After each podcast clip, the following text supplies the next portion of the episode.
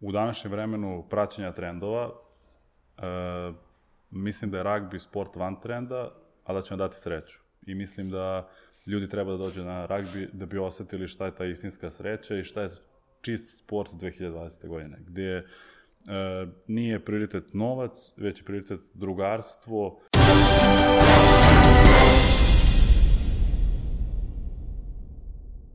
Dobrodošli nazad. Dobrodošli nazad u Žiška podcast. Danas ćemo pričati o ragbiju.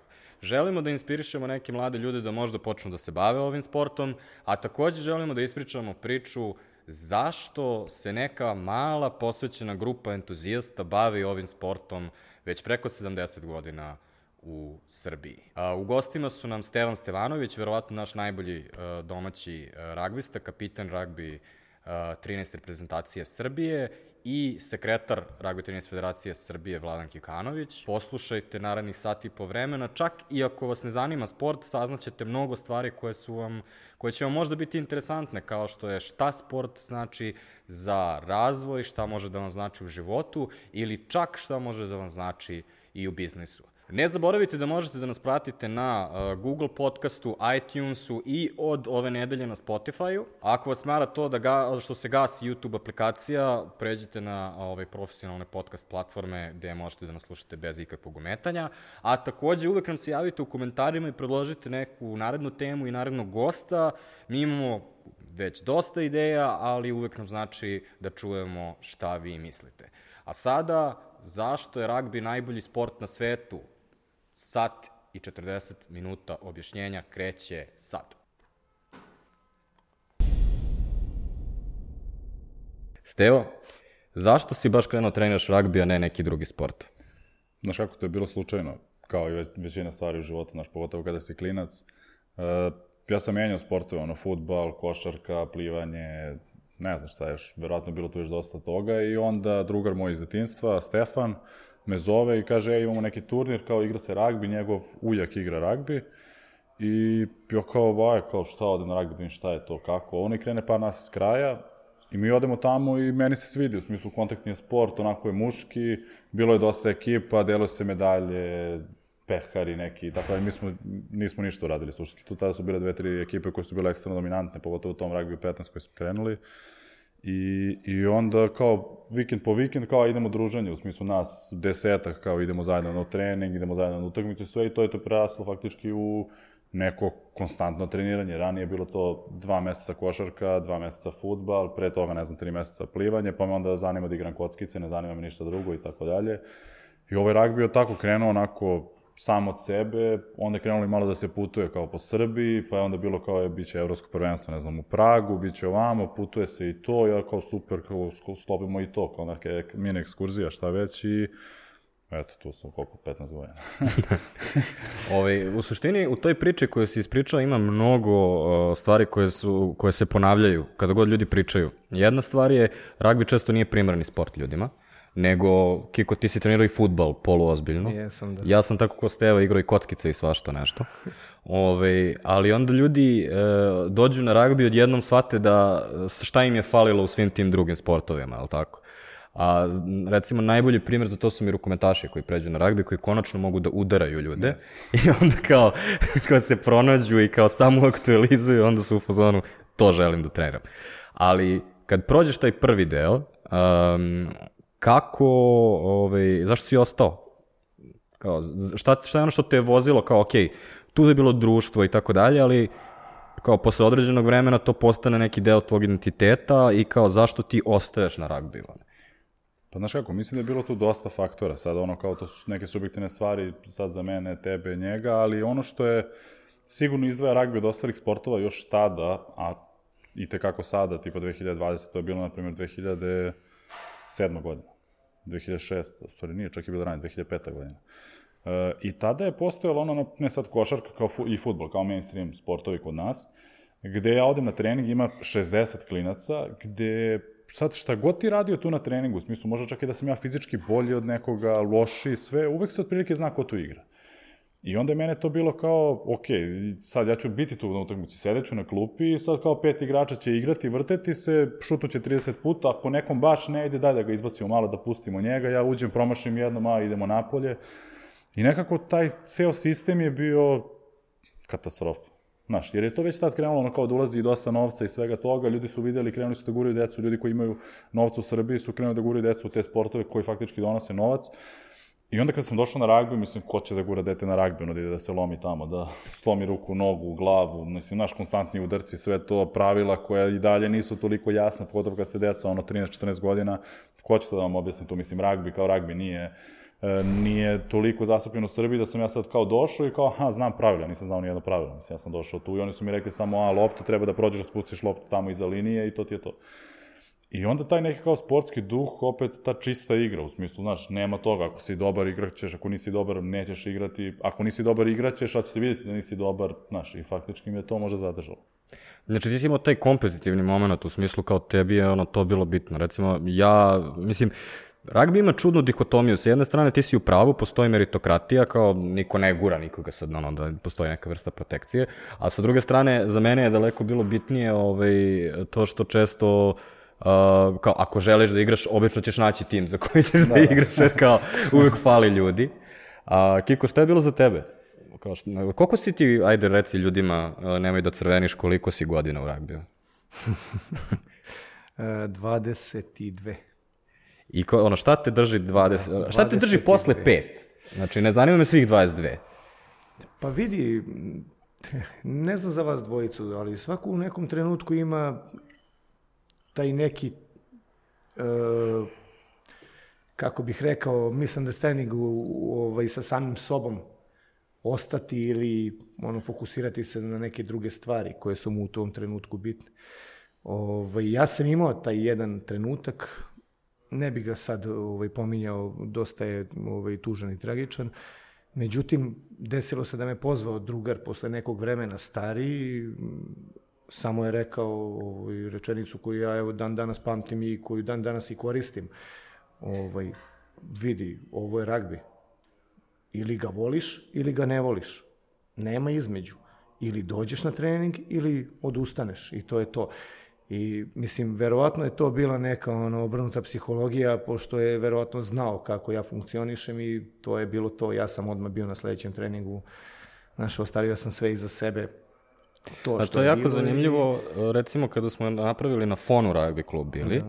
na prvi trening se prijavilo 25 ljudi je došlo. I to je bilo neverovatno za, za rugby. Međutim, ubrzo smo skontali da jedno pola od tih 25 nije baš skontalo da će to biti zaista ragbi sa zaista udaranjem. I sad došlo ti 25 ljudi, prva stvar koju smo uradili kao ajde vi da se, ovaj, ono, da se obarate. I onda smo u stvari kao na sledećem treningu imali 12 ljudi s kojima smo mogli nešto da radimo. Kao to je bilo ogromna razlika.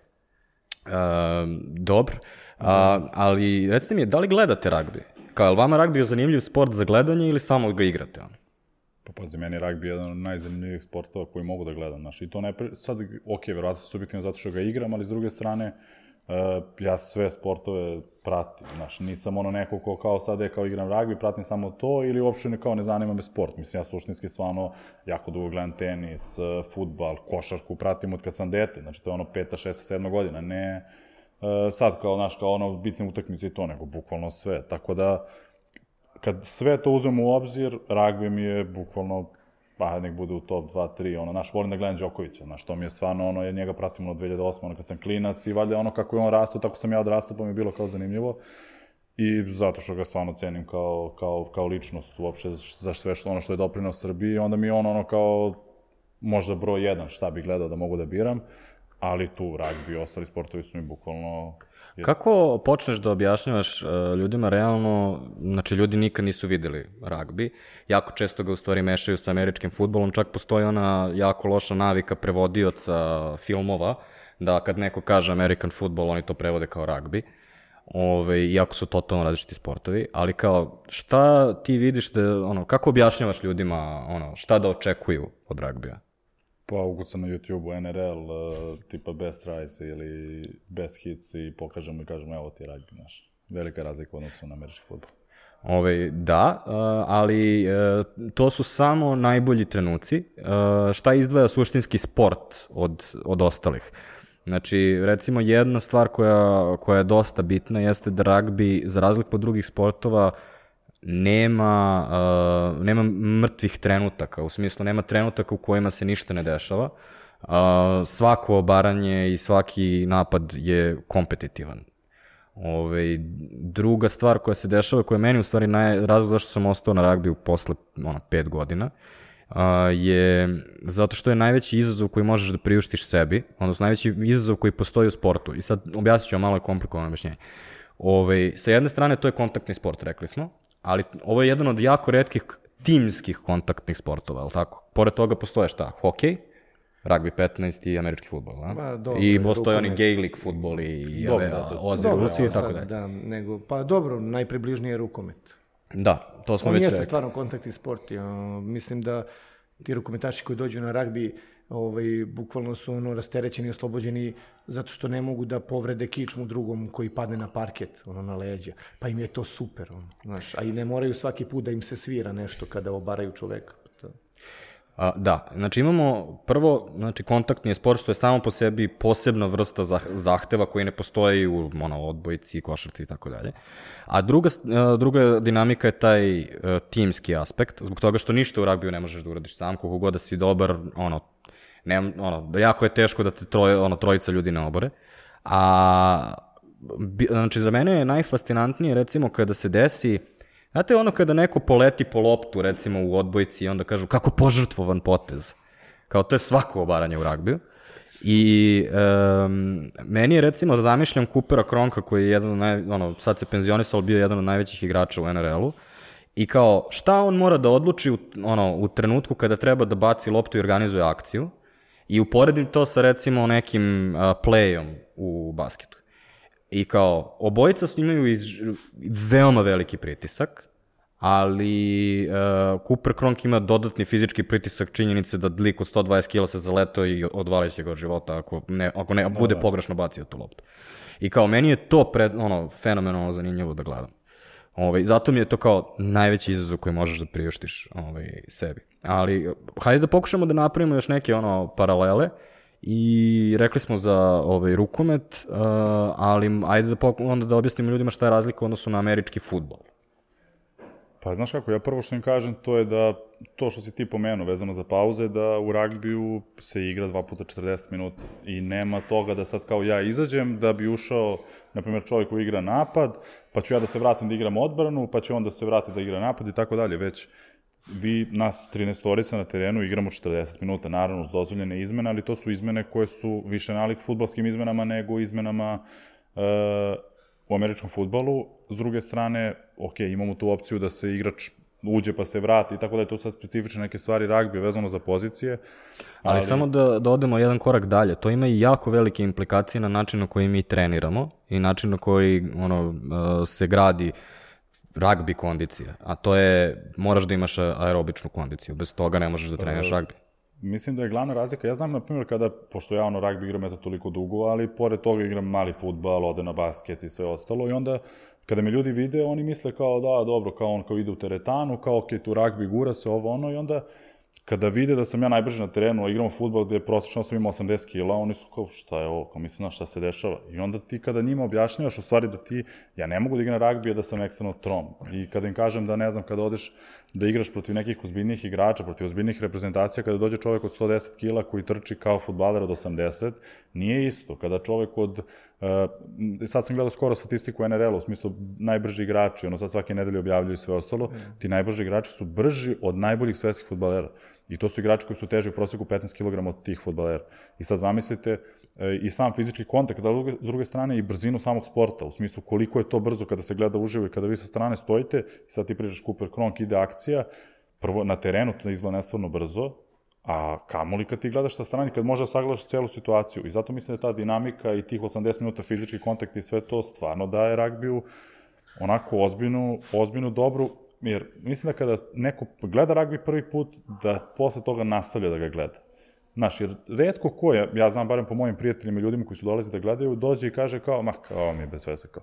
Ima, na primjer, luzno, kad dođe mama, ona naravno da neće da gleda kako meni kidaju uvo ili nešto, ali to su redke situacije, naravno, nije to svaka utakmica. Ali, s druge strane, svi ostali koji su dolazili su bili kao, wow, što nisam ovo rani, što mi nisi izvao, rekao, pa čoveče, zvao sam te, ali, znaš, moraš da dođeš sam da vidiš, nemu ti ja objasnim da ti dočaram kako to izgleda kada se čuje, kada udari telo o telo, u smislu kada je taj fizički kontakt u punom trku, osoba od 100 kg obare druga osoba od 100 kg, kako to, kako to izgleda u, uživo.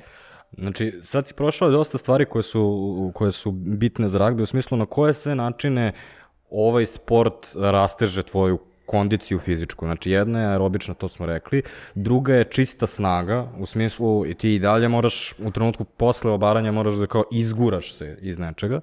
Ove, a, postoji eksplozivna snaga, to je trenutak sam no. udarca, postoji sprint, odnosno, kako, ko je to beše, energetski sistem, nebitno.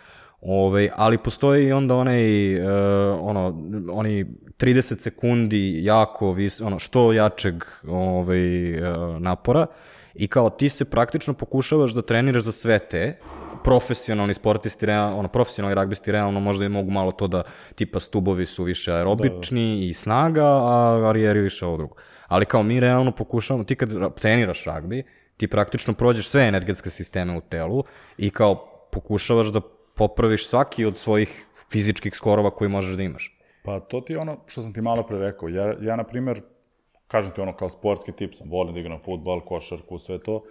Ja, na primer, nisam dugo igrao, znaš, mislim, opet mi je ragbi uvek bio primaran sport i sad nisam ja stizao da igram ragbi, ono, četiri puta, pet puta nedeljno da treniram, utakmicu još idem da igram futbal, košarku i to. I onda se desi, znaš, ono, pauza u sezoni ili nešto i kao, ajde da igram futbal.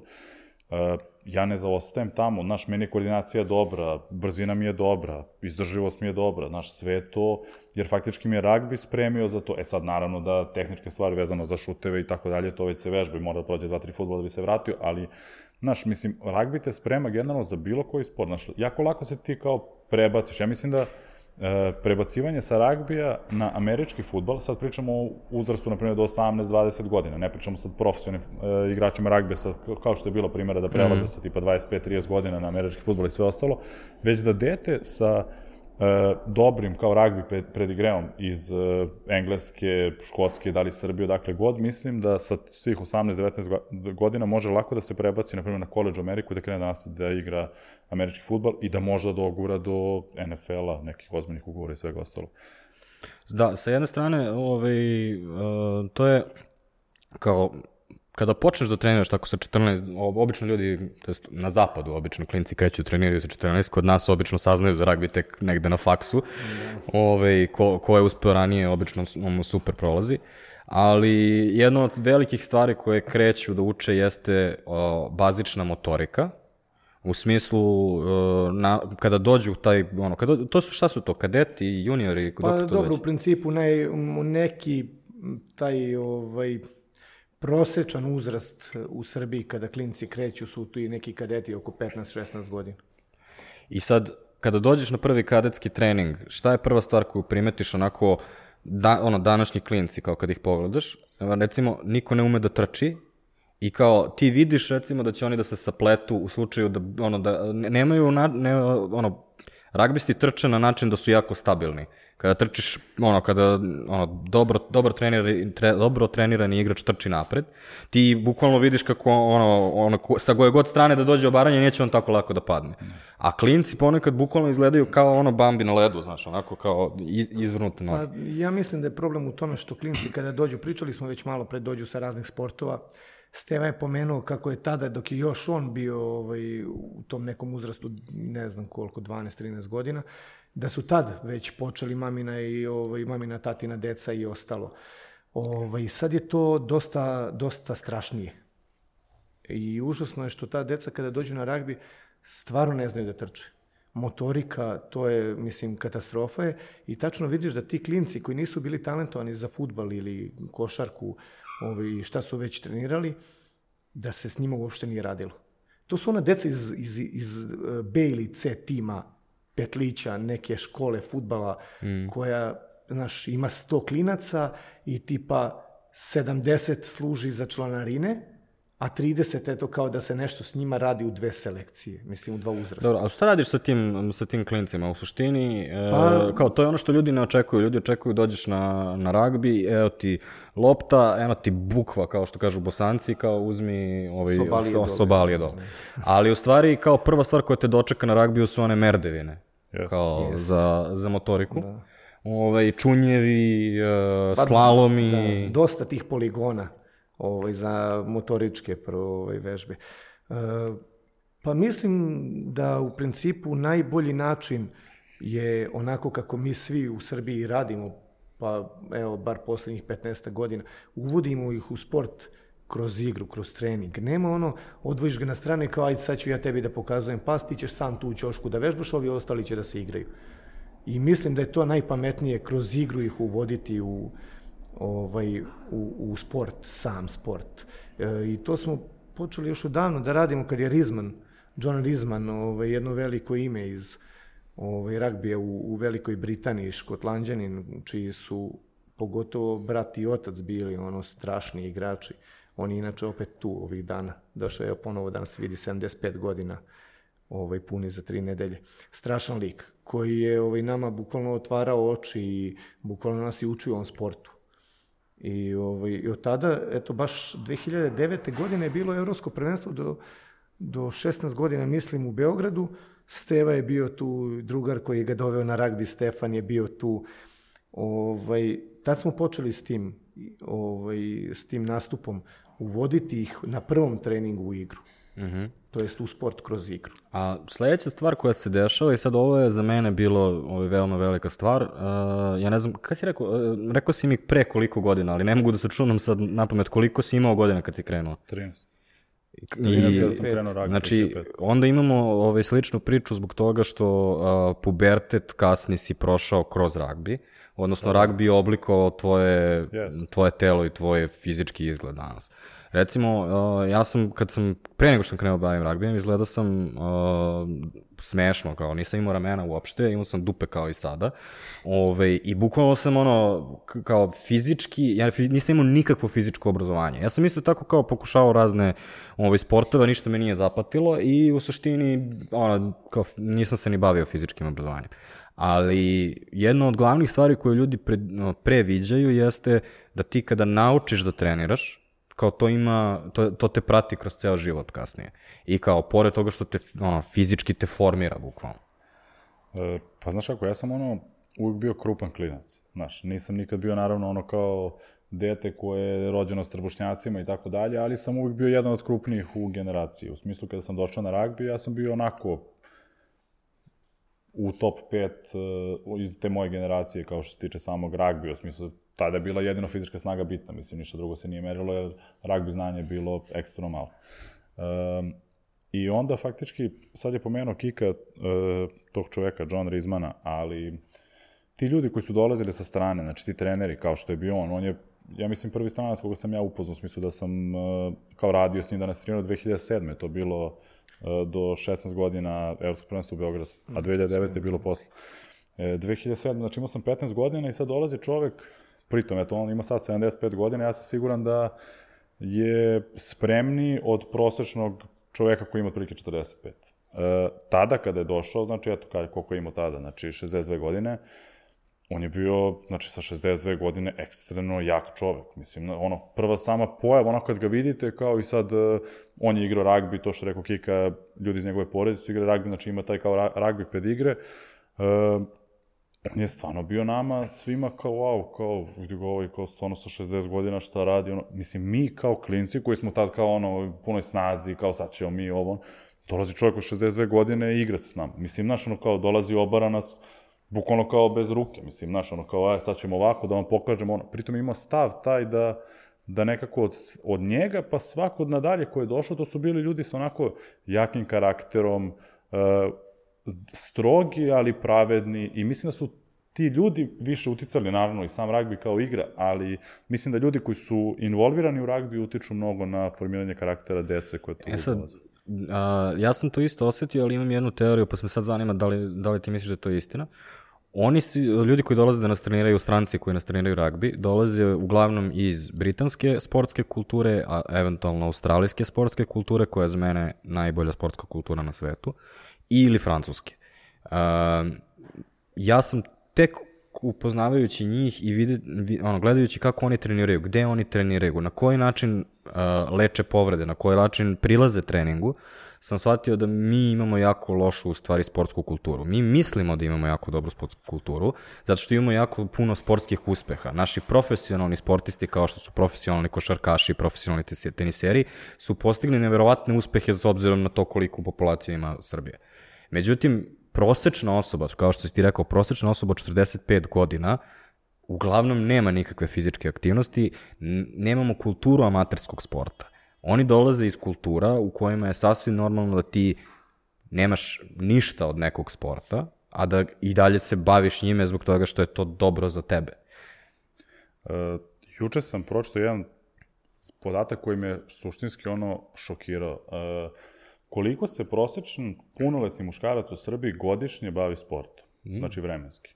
I sad, znaš, ono kao razmišljam i sad pitam me drugar i ja kao, pa reku, ne znam, ono, ne znam, 20 sati, kod uzna majka, uzimaju se svi obzir. Kažem, sati 48 minuta. Koliko mesečno? Godišnje. Molim? Sati 48 minuta. Žena, sati 32 minuta, godišnje. Da, to su, to su oni šokantne statistike. Da, da. Recimo, mi imamo u poslu, a, ljudi u proseku 5,5 sati gledaju televiziju. Kada uradiš breakdown toga, shvatiš da matori ljudi gledaju televiziju 14 sati, pa, da, pa onda jasno, vuku prosek, da. ali i dalje je neverovatno. Sat i po. Da, meni je to bilo, jasno je meni da se tu ubraju i ti ljudi, znači ljudi koji su penzioneri, koji su fizički neaktivni, naravno će da kaže nula i tako dalje, ali opet sati 48 minuta, mislim, to je jedan i po trening, mislim, da. suštinski, znaš, tako koliko, da... Koliko god ne verovao u statistiku i ono koliko god ti statistika Dobro, predstavljala naravno. neku ovaj, poluvarku, opet je katastrofa, ovo je ja ovo nisam znao, ovo je užasno. Ovo je da. Ali to ide u prilog, ovo je Ali, konstataciji. Samo, samo s jedne strane, s jedne strane mi je šokantno, a sa druge strane nije kao baš, znaš, delo je mi legit, ono, da. kao da. Ove, a sa druge strane, sa treće strane, Da, pa kad malo bolje razmisliš kako ljudi prilaze uopšte sportskoj aktivnosti. Jel su vas stalno pitali, a, a šta ti imaš od toga? Što, kao, sad ću da citiram i moju kevu do kraja. A šta ti imaš od toga što ideš tamo da te biju? Dobro, pa znaš kako, ja imam ta pitanje dan danas. Mislim, Citirao si sve keve, ja mislim. Ta, to pitanje je bilo dominantno kad sam bio klinac i dominantno je sada kad imam 28 godina. Jer ono kao, kad si klinac u smislu daj bridi na neki normalan sport, znaš, tako šta je to ragbi, tamo se guraju, znaš, nemoj uopće percepciju kakav je to sport, a onda sa 26, 7, 8 godina kao, daj čoveče, baviš se ozbiljnim stvarima, treba tamo se povrediš, treba ovo šta ćeš tamo, znaš, šta ti to donosi, znaš, mislim, prva stvar, ja u ragbi nisam ušao zbog novca, jer kada sam sa 13 godina izabrao ragbi, nisam ga sigurno birao tako što sam mislio da će mi u jednom trenutku donositi novac.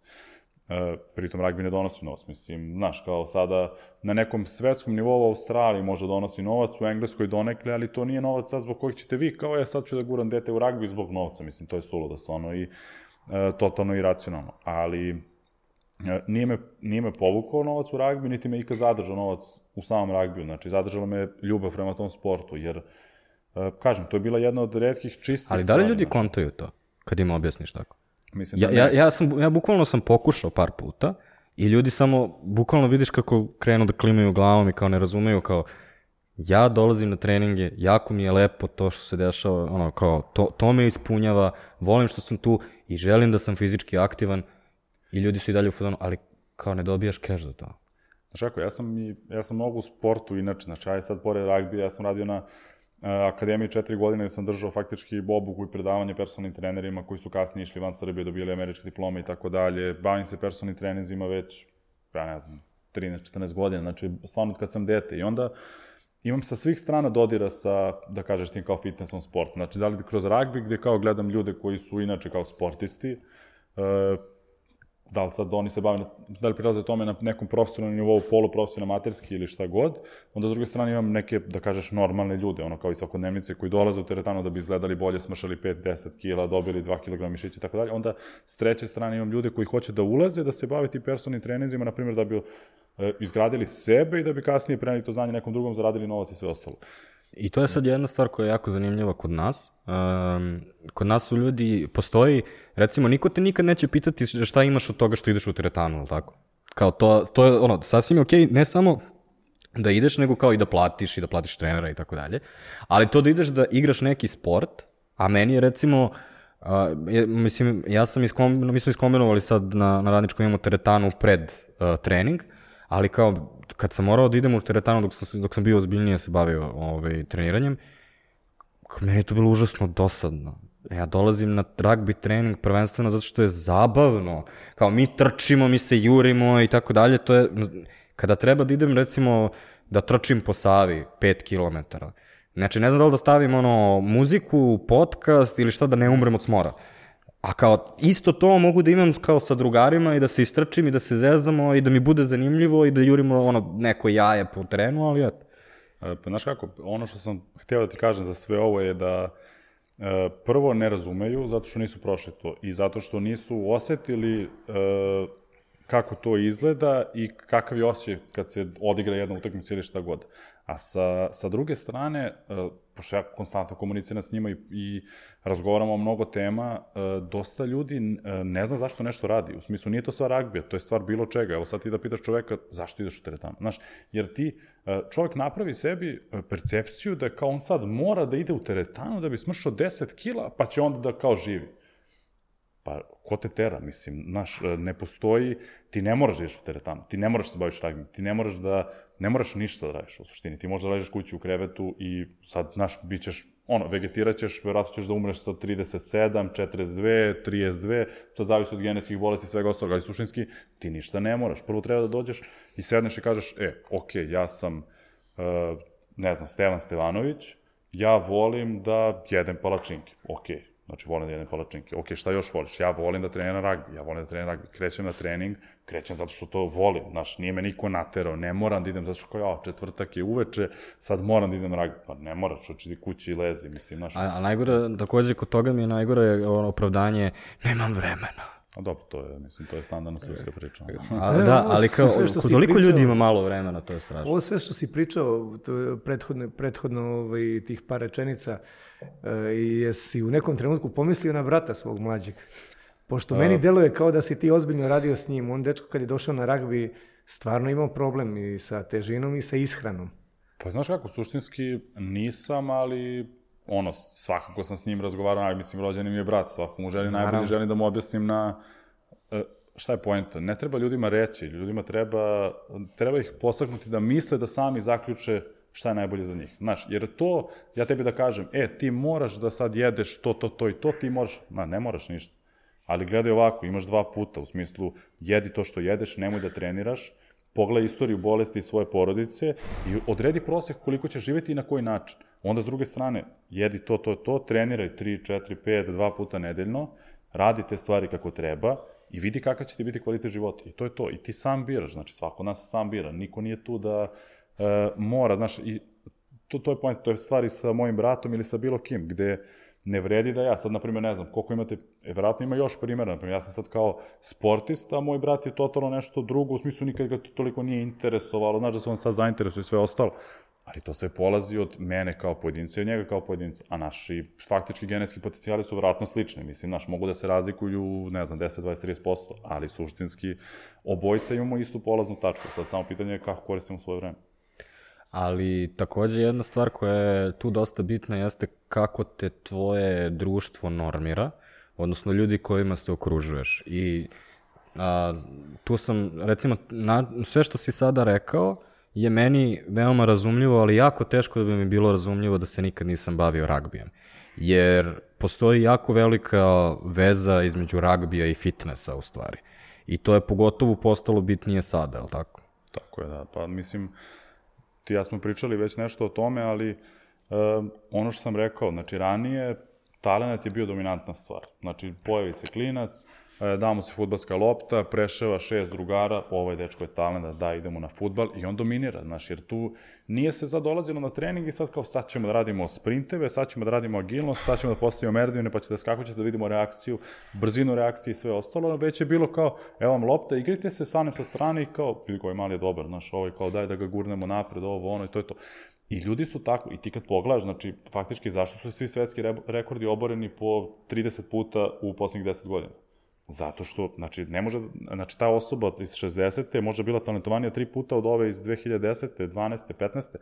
Ali danas se sam taj fitness i uopšte priprema za sam taj događaj, da li je to sport, atletika, šta god, e, dovela do tog nivoa skoro savršenog, gde faktički e, svaki santimetar pravi razliku, svaka milisekunda pravi razliku, e, svaki ugao šuta pravi razliku. Znači, to su sve stvari koje se rade van terena, koje se ne vide, koje Uh, napred, vi kad gledate sport i sad kažete ok, kako je spreman. A šta znači kako je spreman? To znači da je ta osoba bila ove nedelje, na primjer, provela 10 sati u teretani, da je provela 6 sati radeći jogu, da je provela 18 sati na oporavku, da je provela 9 sati na futbalskim trenizima i onda je došla u tu subotu u 4 popodne i odigrala tih 90 minuta da ti kažeš da je on spreman. A te stvari se ne vide. I mislim da je to podignuto na ekstremno visok nivo. Uh, sad ću malo, malo da te vratim, zato što si preskočio neke stvari koje su ljudima možda neće biti jasne samo toga što si rekao.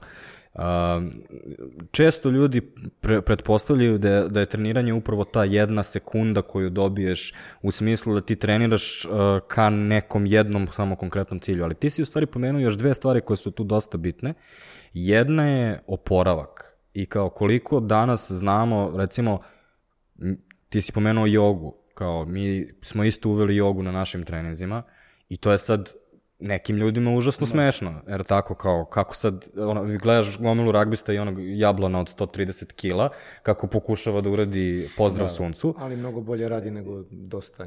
Ali to je neophodno da bi ti mogao da, da se lakše oporaviš i a, ovaj, da imaš manji rizik od povrede. I pored toga što padaju svetski rekordi, padaju i rekordi toga koliko dugo ljudi mogu da treniraju ovaj sport. Imamo sada Camerona Smitha koji ima 30 i... 9, mislim, ja mislim da 8 ide na 9, da. Znači, to je čovjek koji igra profesionalno ragbi u jednom od najboljih timova na svetu, igra talonera, ima 50 obaranja po utakmici minimum i čovjek i dalje razmišlja da li će da ide još jednu sezonu. Da. Kao, to ranije nije bilo moguće. Između ostalog, zbog toga što sad znamo kako, ono, daleko više znamo o tome kako se trenira, je li tako? Pa naravno, znaš kako, um, ja te kada sam otišao u inostranstvo, ja sam ono kao video, to je, naš, mi sve znamo, u smislu, znaš, kao ti si čuo mm. za tu jogu, kao, znaš, kao joga, onda, mislim, znaš, sam kako percipiraju generalno Srbi jogu, znaš, skoro sam čitao nešto da je Srpska pravoslavna crkva u neko, ne znam odakle, zabranila jogu zato što je, mislim, znaš, neke ono stvarno, mislim, dobro, to je sad sve, znaš, ono kao neka druga stvar. Kao da je sekta neka, da, da, da, mislim, bili su oni joga letači na izborima pre... Ma ne znam to, mislim, bio si mlad, ali, mislim, da, mislim da je bitnije to kako prosječan čovek konta jogu, a to je... Mm, istezanje za ženu. Da. Uh, relaksacija, da. I, uh, I onda, tipa, sad odlazim naš u inostranstvo i ti vidiš francuska, engleska, kako, sad pričam kroz rugby, ajde, znaš, kako, kako funkcioniš ti trenizi, kako to izgleda, šta se radi. I sad, uh, dolaziš iz Srbije gde imaš trenera koji sad trening traje 2 sata, trčite 5 km se zagrejete, pa uradite 500 sklekova, pa uradite 500 trbušnjaka, pa i ono već više ne znaš ni desi, u smislu vrtiti se u glavi kao je sad kreće trening, sad idemo sprinteve, sad idemo obaranja, sad idemo kontakt, posle toga igramo ragbi, ono traje 2 sata, niti dobro, više naš nema pauze, ne sme vode, znaš ono ranije bilo kao... E, to, znači sam teo baš to da ti kažem. To je jedno ono, mali, na, mali eksperiment kako, koliko se promenilo treniranje, to sa ne sme voda je nekad bilo, svi treneri su imali to. Da I onda smo konačno naučili da ljudi treba piju vode konstantno. Da, mislim, treba im. Dolazi, dolazili su na strani treneri, da, da, objašnjavali su nam šta i kako. I, I onda odeš negde i vidiš u stvari da uh, koliko je bitna sama pauza između određenih vežbi. Znači da pauza determiniše tip mm. treninga, mm. u smislu da li je to anaerobni, da je aerobni, da li može da se radi, na primjer, sad snaga, eksplozivnost, brzina sa pauzom od 10 sekundi ili ne može i tako dalje. Onda E, vidiš koliko je bitan taj aspekt masaža, koliko je bitan aspekt oporavka u vodi, koliko je bitna ta joga ili uopšte istezanje i da se tome daje možda čak i veći akcenat nego samom treningu, u smislu da vremenski duže traje. Znaš, što ljudi e, misle da sad kao ja, kao odradiš ti trening sat, sat i po i kao to je to, miranci, ideš kući, znaš, ili šta već, razumeš, radiš, a ti u stvari posle tih sat i po, dva, sat, nije ni bitno, ako se baviš, na primjer, na nekom višem nivou sa samim sportom, znači da li to profesionalni nivo, futbal, ragbi, košarka, šta god, ti faktički imaš još 3-4 sata koje treba da odradiš e, kako bi mogao da traješ to što si ti rekao 20 godina na nekom dobrom nivou, znaš, kako bi mogao... Ali da... ne samo to, e, ne samo na profesionalnom nivou, već e, to onda ima i, to se preliva na amaterski nivo. Jer ti recimo, sasvim je normalno da u teretanama u Australiji imaš hiperbarične komore zato što znaju veoma dobro su istražili na sportistima kako se one koriste i kao jednostavno, ok, na, imaš profesionalni tim koji trenira u toj teretani, ali kao oni su tu 3 sata dnevno, ostatak 21 sat može koristiti kogod hoće tu hiperbaričnu komoru i ono što se tamo dešava je kao ljudi koji se samo bave radi svog zdravlja čisto amaterski, ovaj, imaju daleko bolje uslove I ono što je dosta velika razlika je uh, oporavak, odnosno medicina. Ovaj, kod nas i dalje većina doktor, postoji onaj doktor koji nas je krpio sve ragbiste, valjalo bi da ga pozdravimo sada sa studentske klinike, ili tako? Da, da, ovaj, to je u stvari bio načelnik studentske poliklinike. Ne znam šta je šta se umeđu vremenu dešava, mislim šta se desilo s njim. Ali generalno sada, kada dođeš... Zarić je. Da, Zarić. Da. Generalno kada dođeš uh, kod doktora kod nas je zavićete u gips i mo, ono, prestani da se krećeš. Da, to smo sinoć. Mogu bi jedno 3-4 meseca doladiš, da se ne baviš ničim. A dobro, znaš kako, evo sada, e, postoji naravno, jel te, ovaj, propisano od Ministarstva za sport obavezan pregled na svaki šest meseci za svakog sportistu, mm. registrovanog u Srbiji u bilo kom sportu. E, poslednji put kada smo bili kod jednog doktora, da ga ne imenujem, e, to jest kad je bio jedan od naših ovaj, drugara sa igrača, doktor ga je toliko nešto naružio, e, taj pregled je EKG, znate i vi sami šta podrazumeva. EKG, e, pluća, visina, težina, jel te? Spirometrija. Pa mislim da nema Niš. ništa komplikovano, to možda ti ideš na neke ozbiljnije, ali da, znaš, da. ovi osnovni koji propisuje pa ministarstvo za sport, to je bre stvarno, znaš, i on tu njemu utvrdi da je njemu sve od ragbija loša kolena, loša leđa, mislim kao, to ti je sve od ragbija. Pazi, ti pošalješ čoveka kod ovog doktora koji je tu samo da 15 minuta nešto po propisima odradi, otalja posao i uzme, ne znam, 700 dinara, i on ti igrač ono naruži skroz i kaže to ti je sve od ragbija. A taj igrač dolazi na trening, kasni, ne zagreva se kako treba, e, ne isteže se kako treba, iako mu je to uvek ono nad glavom, moraš, moraš, moraš. Razumeš? I onda je sad sve od ragbija. Nije, nego je od onoga što ste ja malo prepričao. A, sa do jedne se, strane, ali sa druge strane, oni imaju daleko drugačiju kulturu toga da je zadatak medicine da ti omogući da se vratiš što pre Recimo, meni je bilo fascinantno kad je uh, Robbie Ferra, još jedan profesionalni igrač, je pokidao uh, ove uh, trbušne mišiće, odnosno vezano za karnicu. I sada, oni su rekli, do sada uh, je ta, taj period oporavka trajao uh, tri nedelje, uh, šest nedelja. Međutim, postoji nova eksperimentalna uh, procedura u kojoj uh, on ulazi u odelo sa tečnim azotom i uspeli su da ga vrate za tri nedelje sa, sa tom terapijom. Sad, ono što je meni tu bilo fascinantno je koliko su oni u stvari, kao, ono, njihov zadatak je da ga vrate što pre. Kao, nije ono, čekaj sad, ok, on je povređen, hajde da, ono, prvo, znači, za tri nedelje ne bi bilo, kao, ne, ne bi bilo šanse da on uopšte krene na terapiju kako nas, ne bi niste ni razmišljalo o tome na taj način. A, a recimo, druga stvar mi je kada je Darren Lockyer uh, u poslednjoj sezoni polomio jagodičnu kost, isto veče operisan, stavljena mu titanijumska ploča i za dve nedelje igra utakmicu ponovo sa vazelinom da niko ne da, može da, da, mu, da mu dirne. Kao, taj, taj način koliko, ono, šta se desi kada ono, doktor i pacijent rade ka istom rešenju umesto kao obrnuto mi je fascinantan i opet ne samo zbog tih profesionalnih sportista, nego koliko to ima benefita kada, kada neko samo krene recimo u teretanu i onda ga žigaju leđa i sve te sitne stvari kao koliko ono, se na, ono, u tim kao zapadnim zemljama gde, no, gde postoji drugačija sportska kultura, se to tretira na jedan totalno drugačiji način i kao koliko ono postoji drugih stvari koje možeš da uradiš osim samo lezi od mori i nemoj da, da ga iritiraš. A, Hajde da presečemo sada, pošto uh, par puta smo pričali o povredama, recimo, uh, par puta smo pomenuli još neke stvari, hajde da pričamo o zabludama koje, koje postoje u ragbiju. Šta ljudi misle? Pa, evo je... jedna od većih zabluda, da je to sport sa konstantnim povredama. Mm -hmm. Sam bezbroj povreda. Kako vi to tako tamo, pa kako ćeš ti... Najčešće, najčešće pitanje je bilo kako bre ti takav mali, pa zar nisu ragbisti onako... Da, to je najčešće pitanje. Pa da, ali oni ne shvataju da Meni, Mislim, meni Ste- je na Steva ovde, Steva je okej, Dobro, u smislu, da on nema- za njega se niko ništa ne Da, pita, nas dvojica smo nikada- onako. Vidi, nikada, nikada nije ni imao problem s tim. Znam, e, znam ovaj, kako se zove od prvih njegovih ozbiljnijih tih ragbi dana, on nikad nije imao problem s tim. Ovaj, radi se o tome da nama, znaš, ono, kao ljudima nižim od nas, mislim, bilo je tu igrača koji su ono To sa postoji niži od 60 mene. kilograma i pa dobro, molim te sad nemoj da se unižavaš. Ovaj Znaš, ljudi su eto tako kao. Mislim kako da je to bitno da znaju, kako da ti svi, to- da svi bitno da znaju da postoji, bez obzira šta je tvoja građa, bilo da si visok, bilo da si, uh, da si teži prirodno. Mislim, postoje ragbi igrači koji čak i danas u profesionalnim ligama su jed, jednostavno imaju stomake, kao zato što cipa Sam Thaiday mi pada na pamet, iako se on sad ovaj, pe, penzionisao, kao njegovi treneri su shvatili čovjeka da smrša jednostavno ne udara više to. kako treba Naravno. i kao bolje da ima malo stomak jer mu Pa ne, prija. hoću da ti kažem jednu stvar. Meni je ovaj sport, ono, nisam uspeo malo pre kad je Steva pričao o tome šta ga je zadržalo i ovaj, šta ga je guralo. Meni je to bilo nešto najbolje. Znaš, kad razmišljam o prethodnoj utakmici, kako sam onako dobro u mestu zaustavio i borio onolikog čoveka. Znaš, meni su to bile neke ono, sjajne stvari. Ja uzmem, kao uzmeš loptu pod mišku, imaš 75 kg, 20, i go, 20 godina, razumeš, i ono, kao ukucaš su dva čoveka od 120 kg na njihovo zaprepašćenje, a iznenađenje svih na tribini.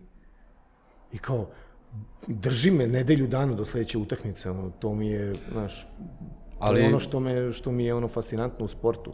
A meni je bilo fascinantno uvek, e, kada god dođe onaj strani tim, tipa England Lionhearts ili kad su bili ovi iz New South Wales australijanci, ovaj, oni uvek imaju nekog, od, ali bukvalno metar i po, znači ne, sad ne preterujem, uvek imaju ko igra ili halfa ili uh, talonera, ali on takođe, ono, ono, ti, ti misliš kao, ok, tipa Rob, Rob Burrow je bio pro, profesionalac koji je bio metar i 60, no, da, tu negde malo niže tebe.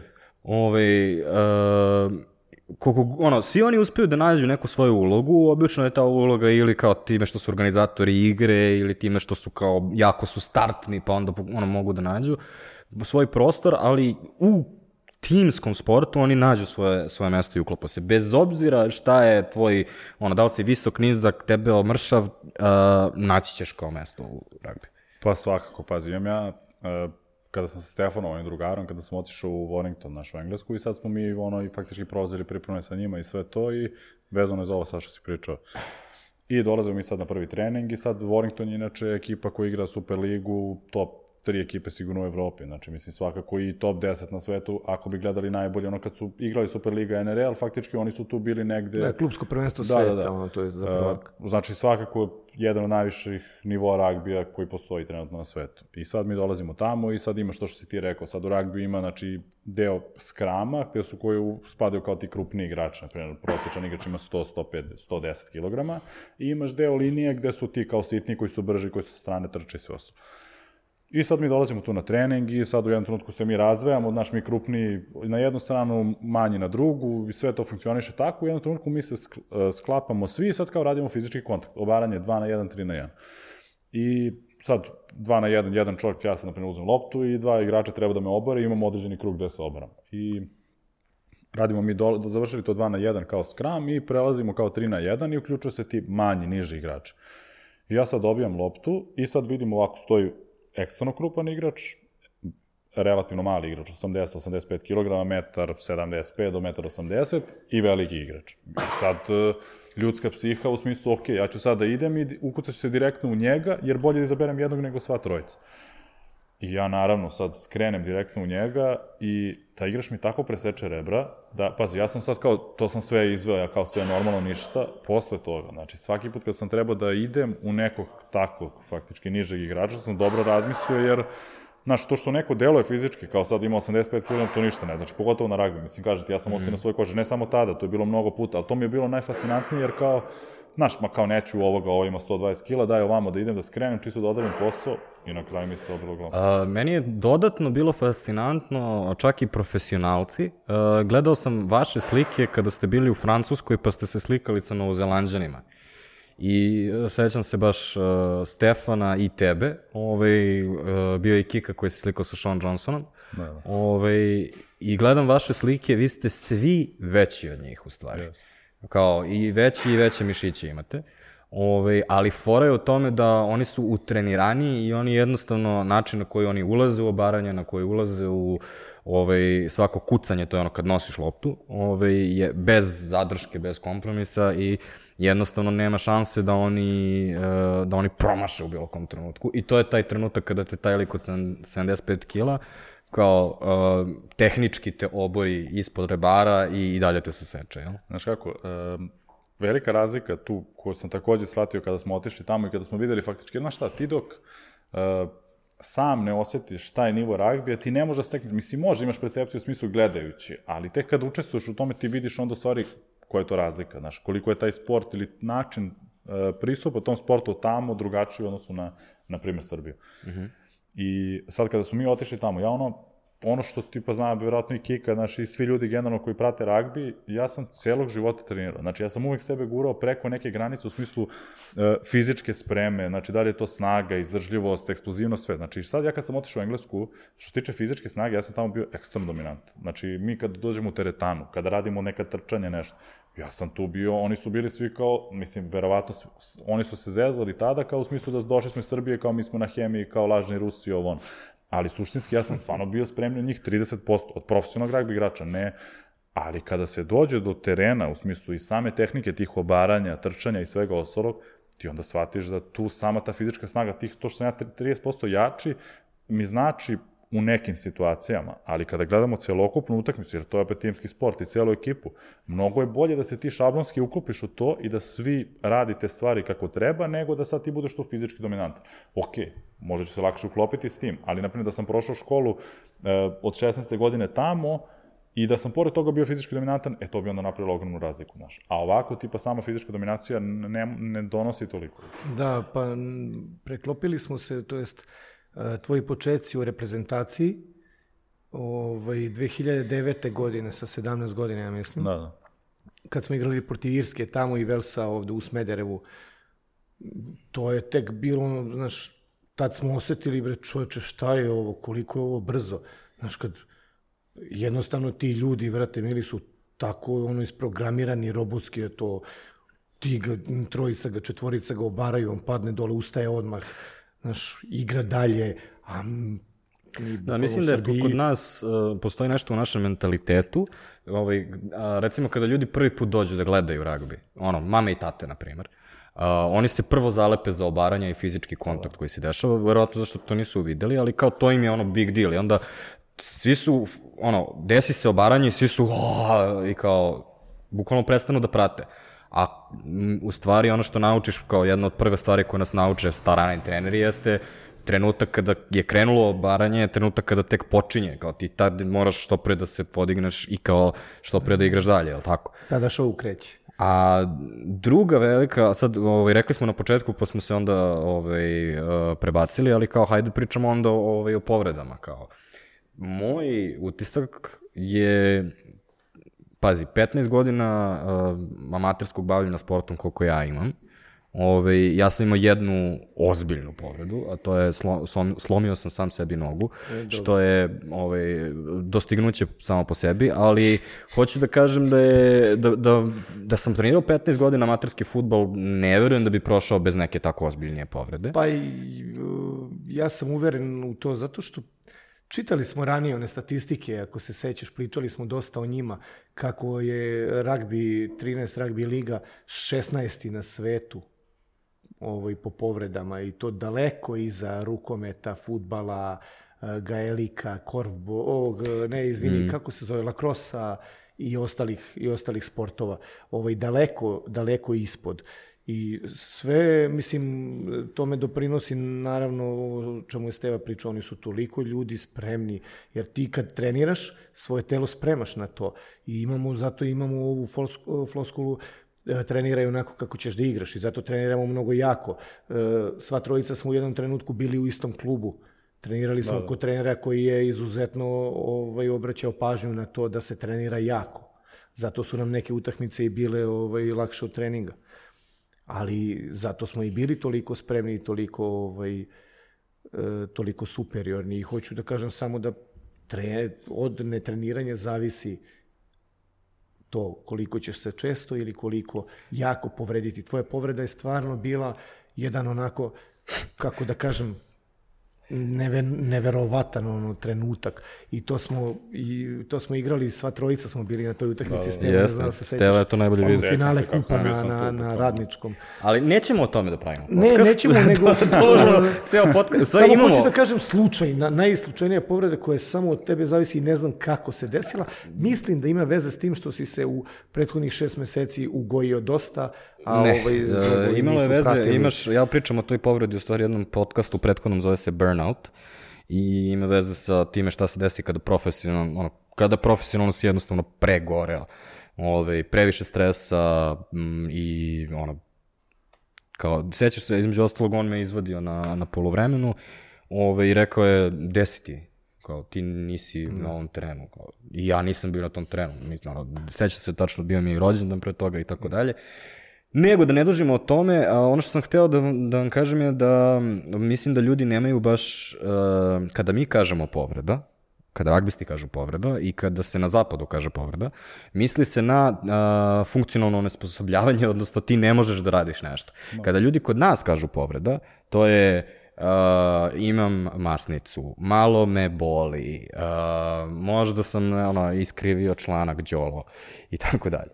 Ove, kao, to je ono što, što kao ragbi ti malo menja odnos prema, prema tim. Pa svako ti podigne prag bol, mm. mislim, znaš, jer ono, uh, ragbi je kontaktni sport i sad, mislim, to što je Kika pričao, da uh, mislim da je objektivno to, ragbi stvarno na 16. mestu, razlog za to je svakako je ti dolaziš na ragbi, znaš da je, moraš da spremaš za fizički kontakt, znači ja ako treba da igram utakmicu, sad kad sam imao 16-17 godina, kad krenuo da igram za seniore, Ja sigurno neću da uđem kao sad da je došao sam i izašao sam prethodno veče, sad ću sutra da igram utakmicu, polomit će me neko, mislim, znaš, i ja imam to u, u sebi, u glavi, imam tu neku percepciju, da ja moram da se spremim za to, inače, znaš, ko da idem da, ne znam, u bitku. I mislim da je sam taj pristup i priprema i sve to što je on rekao kroz treningi, u stvari te pravi da ti e, rizik od povrede svedeš na minimum, znaš, sad povreda može da se desi svuda, znači ljudi se povređuju dok se voze autobusom, znači tako dalje, da ne ulazim u to, ali objektivno ragbi nije sport koji ima mnogo tih kao velikih povreda koji te baci ne, imaš ono, funkcije. imaš tih čukanja, ugruvavanja, da, da, ne, ne, su čepova i tako dalje, što je sve nije povreda, nego je samo ono, da, ne znam kako bi to rekao. O tome što Ali ono što da. se dešava u svim ostalim sportovima, to su o, ligamenti, prednji da, ukršteni, da. zadnji ukršteni, a, skočni zglobovi, koji su, realno, ako je iko trenirao basket, ovaj, ko nije izvrno zglob, svakom u čast, ovaj, i to je u suštini to, laktovi, eventualno Znači, to je ono što u stvari su najčešće da. povrede koje ljude, ono, ozbiljnije malo izbace iz... Pa dobro, rada. ja, evo, e, poslednju utakmicu sam odigrao 1. novembra 2015. i evo, dan danas igram. Ta penzija je trajala jedno tri godine. ovaj, tri godine dok nije zatrebalo. Trudio sam se maksimalno, nisam igrao neke ozbiljne i, bit, i bitne utakmice za, za klub ovaj, teškom mukom sam eto to pretrpeo, to, to jest prestojao na klupi, ali ovaj, evo i sad ponekad kad zatreba i mogu da ti kažem za 22 godine nikada nisam imao ozbiljnu povredu. Lom nisam imao nikakav, povredu boleo me je, boleo me kvadriceps ili koleno nešto par nedelja, ali znaš, sve zavisi priča Steva o tome sve vreme kako ovaj, treniraš sebe, kako se spremaš. Ja sam uvek i kao kad sam tek došao na ragbi, bilo je ono kao, evo ga teren, uh, zagrevanje kao igramo nešto malo tačno, ajde kao nazad u slačionicu. Ja sam se uvek zagrevao individualno, istezao sam se posle toga i zato evo u klubu već koliko godina insistiram da to mora obavezno da bude. Da zagrevanje, istezanje i pogotovo što si rekao, uveli smo jogu u poslednjih par meseci, malo duže, malo više od toga. Ovaj, I mislim, mislim da se on svakim tim e, dodatnim naporom pojedinca ili ovaj tima smanjuje i taj rizik od tih povreda. E sad, nešto što će iznenaditi ljude, a to je e, iznad nas na toj listi, e, se nalazi američki futbol, a oni imaju kacige i imaju na ramenice. Kako to? Pa, Će neko da objasni ljudima pa kako u čemu je fora. kako to? Pa ti kad udariš plastiku od plastiku, to je kontuzija ramena čoveče. Ja ne znam da objasnim drugačije. Oni kad se ne sudare telima, kad se sudare tim, tim plastikama, to već boli. Mislim, da ne pričamo o onim kacigama u kolena, što oni ne smeju, a, koriste kao jel, zloupotrebljavaju. Da je kao i kod najčešće. boksera, kao kod boksera, e, znaš, sad su u amaterskom sportu, u amaterskom boksu ukinuli su kacige, koje su ranije bile obavezne. I znam to iz ovaj, nekog ličnog iskustva, ovaj, da kada te čovjek promaši rukavicom i udari ti onu kacigu, on kao da te udari u glavu.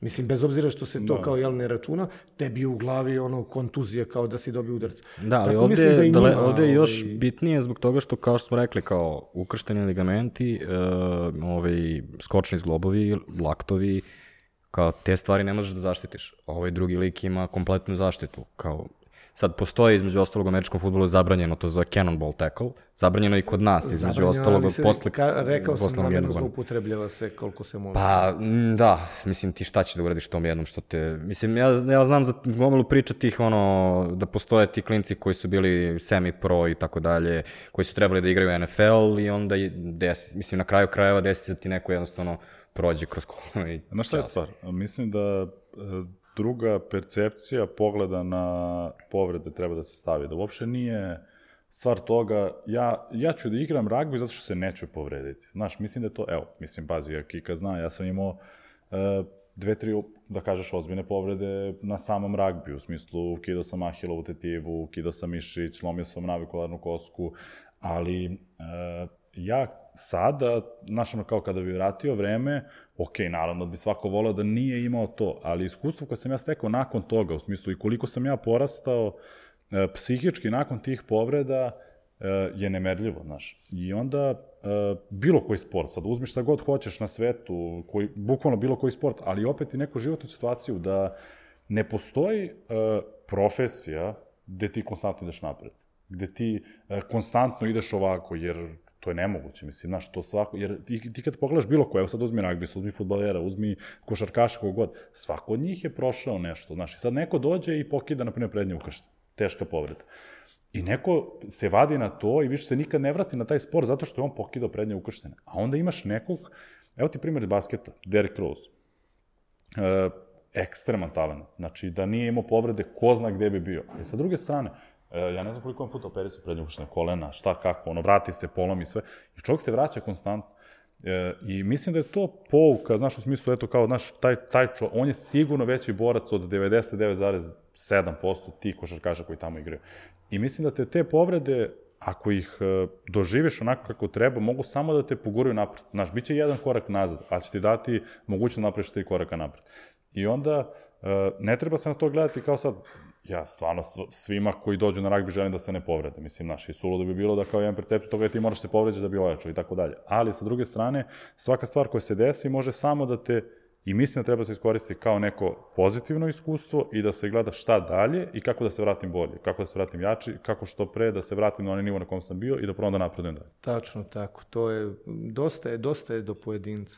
Imam drugara koji sa 31 godinom, profi, sa profesionalnim ugovorom na Tajlandu za futbol, mislim da mu je sezona 120.000 bila, ovaj, e, da li evra, dolara, ne znam nije tamo kako se to gleda. E, U 31. godini pokidao prednje ukrštene rekao im je, za dva meseca sam nazad, oni su bili za prepravu fazonu, kao, ne verujemo, ali kao ako se vratiš za dva meseca dobiješ isti ugovor, iako imaš 31 godinu i povredio si drugi put, to je pokidao. Za dva meseca je igrao mali futbol. Mislim, to je do čoveka koliko je spreman na to i koliko sebe hoće da da za to. to je... Moraju da se poklope neke kockice vezano za samu regeneraciju i sve ostalo, ali ali I nije svako strane- kidanje Da. isto, jel? Pa, Pogotovo naravno, kod da. ligamenata, to je ono, Jeste, umetnost stvarno, ima sebi. mnogo, da, različite stvari. Ali da, da završimo ovi, kao tri najvažnije stvari koje ljudi pogrešno kapiraju. Treća je, ragbi je samo tuča, jel tako? Pa da, znaš, to je ono kao... Kao to ljudi, od, ono, kao šta, ti, šta vi samo se bijete, jel tako? da, šta radimo mi- sem što se bijemo? Zato je nas trojice izgledamo ovako, ono, imamo po četiri čvoruge na glavi i 74 ožiljka i to pogledaj nas kakvi smo čoveče, skoro ko manekeni svi. Ali e, šta radimo sem što, ono, šta je ragbi sem što tuče? Znaš šta, pazi, ragbi je e, generalno igra koja zahteva ozbiljan intelekt. Ako hoćeš da igraš na zavidnom nivou.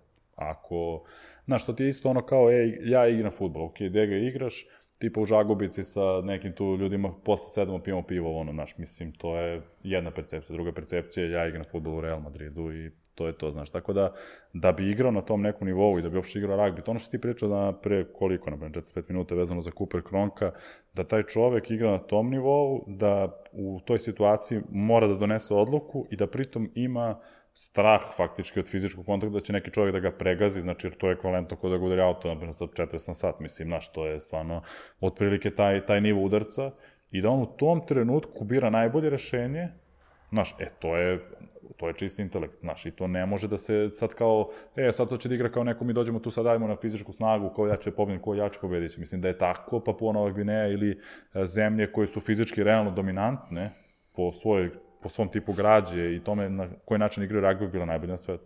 A vidimo da je, na primjer, najbolja Australija. Da je, znači, znači, hajde samo da se vratimo korak po korak. Mnogo stvari si, si rekao tu koje su zanimljive. Um, ragbi je timski sport. Kao, pored toga što individualac mora da razmišlja, uh, ono što je meni, recimo, u životu naj, najviše sam naučio o tome I ja sam, recimo, uh, u vreme kad se bavio debatom, imao sam jedno predavanje koje sam držao debaterima koje se zove debata kao sport. Odnosno, sve što sam ja naučio iz sporta i ragbija, kako se primenjuje na debatu. I sad, najzanimljivije tu uh, je upravo taj rad u timu i kako tim kreće da radi. I ono što nas opet, kada dođe nam strani treneri, što nam najviše zameraju, to je nedostatak komunikacije. Ja sam jednom igrao u stranom ovaj, timu kad su bili ovi australijanci, pošto ovaj, sam ono, bio tu, vodio ih u naokolo i onda sam kao izašao na teren sa njima. To je totalno drugačije iskustvo u smislu jako je bučno. Svi oko tebe nešto pričaju, svi nešto signaliziraju, svi, svi imaju negde kuda idu.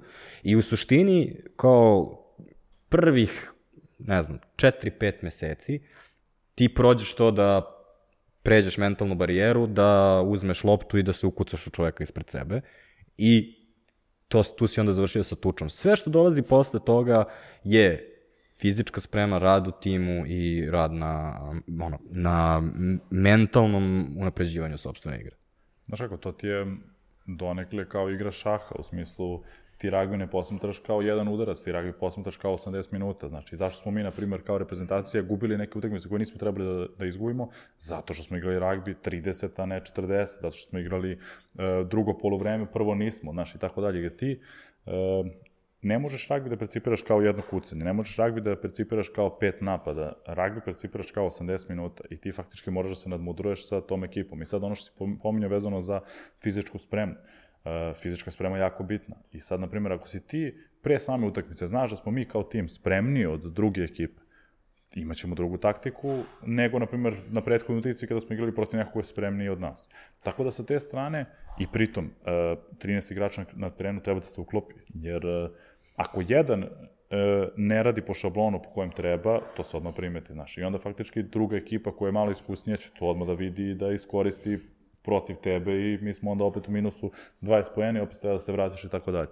Sad kad si rekao šah, uh, podsjetio si me da smo preskočili u stvari brazilsku jiu-jitsu kao uh, sport koji je u suštini dosta blizak rugby, pogotovo u 13, u smislu dosta tehnika kao se prebacuje sada u rugby 13 koja se dešava u obaranju. I to je ono, njih kad gledaš, oni su o, šahisti konstantno u fizičkom graču yes. i bukvalno da, imaš ta, ima taj ovaj, dualitet. Um, Dobro, to se i kod nas u Srbiji radi već neko vreme. Mm. Mislim, ti sa svojim videodnjačkim sposobnostima si to uveo pre jedno deseta godina. Ne, ja sam samo gledao YouTube. Ove, ovaj, I tamo ima sve lepo u Titansima došao lik objasnio sve. Dovodio si nam trenera, mislim. Ovaj. Jest. A jedna stvar koju smo, koju smo svi rekli kada, o, kada si ispričao na početku podcasta, si ispričao kako si krenuo i e, nešto što je u stvari do, ono, ubojilo, ja mislim, svačije iskustvo ragbija, to je drugarstvo i uh, prijatelji koje formiraš uh, u ragbiju. Um, ja mislim da svi sportovi generalno kao sva ono svi timski sportovi ono jačaju ovaj camaraderie kako kaže znači drugarstvo među ljudima ali postoji jedna stvar koja je za ragbi dosta specifična a to je ne postoje onaj lik koji kao je tu zato što ono sa pola srca Znaš, ti likovi koji su sa pola srca tu neće da dolaze svako, svake nedelje da ih neko da, ono bije. Jest. Tako da mi imamo tu neku privilegiju da treniramo sport u kome ljudi koji, koji su tu obično zaista žele da budu deo tog društva i kao Tako da, uh, kao, šta biste rekli, kao, da, da li se slažete, kao, na ragbiju su prijatelji kao nik drugde, jel? Pa i ja sam ubeđen u to. Može da, se, može da bude ekvivalent onome što smo slušali od naših očeva o drugarima iz vojske koji su drugari za ceo život. Naprimjer, tu bih ja neku paralelu povukao. Da.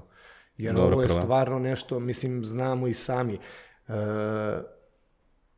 prvo ti i ja smo evo ovaj klub osnovali naš već 8 godina, postoji 8 i po godina iz našeg drugarstva iz, iz prethodnog kluba. Mislim, to je nešto ono, i sad imamo tu drugare koji su sigurno drugari za ceo život. Nema šta. I ovo, naravno, kumstva i sve to kako već ide, jel? Znaš kako, uh, ima ona izreka ranije, što je Tyson rekao, može da se prebaci na ragbi u smislu uh, svakom je drugar dok ne dobijete udarac u lice, znaš, jer... Uh, ne, mislim da on ima, svako ima plan until ne, ne, they get da, punched in the face. Da, a ja sam to prebacio u smislu a. na ovo tvoje, znaš, tako da, da, jes, to je on rekao. Uh, samo mislim da ovo može da se primeni za ragbi, jer mm -hmm. Kontaktni sport i onda uh, lako se vidi kada si na terenu ko stvarno daje 100%, a ko je tu onako da malo se kao, naš, ono, ušteka ili šta god, znaš, tako da... Ne, to je definitivno ono, da možeš uvek da vidiš ono, ljude koji, ono, rugby teren ogoli ono što zaista jesi, kao, yes, da. ono, ja, mislim, ja sam kao generalno shvatio dosta i o sebi, kao, recimo, uh, meni je uvek falilo agresivnosti na terenu i kao jednostavno shvatio sam da je to, ono, nije, jednostavno deo mog karaktera i kao morao sam da naučim kako da, da pokušam da se podignem iznad toga, kao ne, nekako je bio dobar trenutak samorealizacije, ali postoji i taj deo sa trećim polovremenom, tako da kao yes. ideš sa, ono... Ja mislim da si samo, pogotovo, samo kritičan. Da. da. Ove, ali pogotovo da... u ragbiju da, ne, da nije profesionalno, pošto niko u stvari, ti u stvari igraš za tim na koji želiš da odeš na treće polovreme, yes. ali tako? Pa dobro, da, ovaj, ali pa mislim, znaš, i među profesionalcima imaju one prepiske sa Twittera, mm. kad je ovaj, jedan drugog jeli, udario u, u glavu ovako i ovaj kao izvini za ono, molim te, ovaj, znaš, kao ovaj, boja dresa nas je malo, kako bih rekao, ovaj, nam je uzela je danak ili kako već, ovaj drugi kao, uf, super je bio udarac, kao, ovaj, dugujem ti pivo, kao, dobro si me udario. Znaš, Ove... Ovaj- sve, znaš, oni da, će da. imati treće poluvreme između ono, dva čoveka koje su se do pre 20 minuta tukla na terenu. Ove, ovaj, dobro, u svakom slučaju, ovaj, mislim da možemo da se složiti da je to definitivno jedan kao veliki aspekt. A, a hajde da kažemo ljudima gde onda mogu da krenu da treniraju ovaj sport. Ovaj, ja ću te zamoliti, ovaj, u opisu ćemo ostaviti Facebook stranice svih klubova u e, Srbiji super. gde oni mogu da, da, da svi mogu se prijeve, ali u suštini u, ono, većina, ono, u većem delu Srbije možeš danas da treniraš, postoje klubovi od na jugu, Vranje, Leskovac, Niš, Paraćin, U Beogradu postoje uh, Novi Beograd Zvezda Partizan i uh, Taš Majdan Tigrovi trenutno u prvoj ligi. Da, Ove, ovaj, dobro, da. I jedino što sad, uh, nekada smo imali tim u Novom Sadu, je li tako? Da. Ovaj, danas više, ja ne znam da li postoji možda u ovom drugom ragbiju 15-ici. Mhm, pa dobro, ono, kod njih je to i ranije bilo, nije to ni toliko je važno za nas. Ja sam propustio nešto. Pa u principu da su Tašmajdan Tigrovi promenili ime Aha. i da su trenutno druga liga. Ovaj, ali radi se o tome da e, Novi Sad pokušamo sada da, mm -hmm. da mhm. vratimo, vidjet ćemo kako će to proći. Ovaj, Nova Pazova se vratila treninzima, oni uglavnom ovaj, ta stara njihova ekipa koja je bila tu kad su mm -hmm. sticajem nesretnih okolnosti ovaj, prestali da funkcionišu. Eh, evo, bio sam prošle nedelje u Bilasku klubu ovaj, tu ovaj, od Jagodine pa na dole. Uh, ok, to funkcioniše, mislim da će biti, mislim da će biti daleko bolje ovaj, čim malo, eto, pošto imamo taj neki sveukupni generalni plan, u stvari na nivou federacije, da se krene po školama čim uslovi dozvole, pošto su uslovi sada ovakvi kakvi jesu. Mi smo zamrzli sve te aktivnosti i ovaj, planiramo ih čim to je te ministarstvo nadležno dozvoli, to jest ova dva ministarstva koja se brinu o, o tome, ministarstvo zdravlja i ministarstvo obrazovanja. e, kako se ministarstvo prosvete. Jel? Inače, Ovaj, mislim da smo, sad sam upravo shvatio da smo možda i uh, jedini, jedini razgovor koji ovoliko dugo traje o ragbiju, a ljudima nismo objasnili da postoje dva ragbija, ragbi dobro, 13 i ragbi 15, što mislim da, da je svojevrsni uspeh u stvari. Ali nas to, mislim, mene, pra- mene stvarno generalno uopšte taj sport i ne interesuje, ja o njemu ni ne razmišljam. Mislim, Da, ali mislim da je bitno ljudima da objasnimo zbog toga što ono, to su da, dosta slični sportovi, mislim da za razliku od recimo američkog futbala i ragbija koji prosječan gledalac će moći da razume ili slušalac, kao ragbi 13 i ragbi 15 ne mogu da nas razlikuju kao kad nas vide, izuzev što ako neko baš zna šta je Gilbert lo- lopta pa da može da Pa proba. ne, mislim da može, pošto kod nas, ne znam, uopšte nema toliko baš debelih ljudi.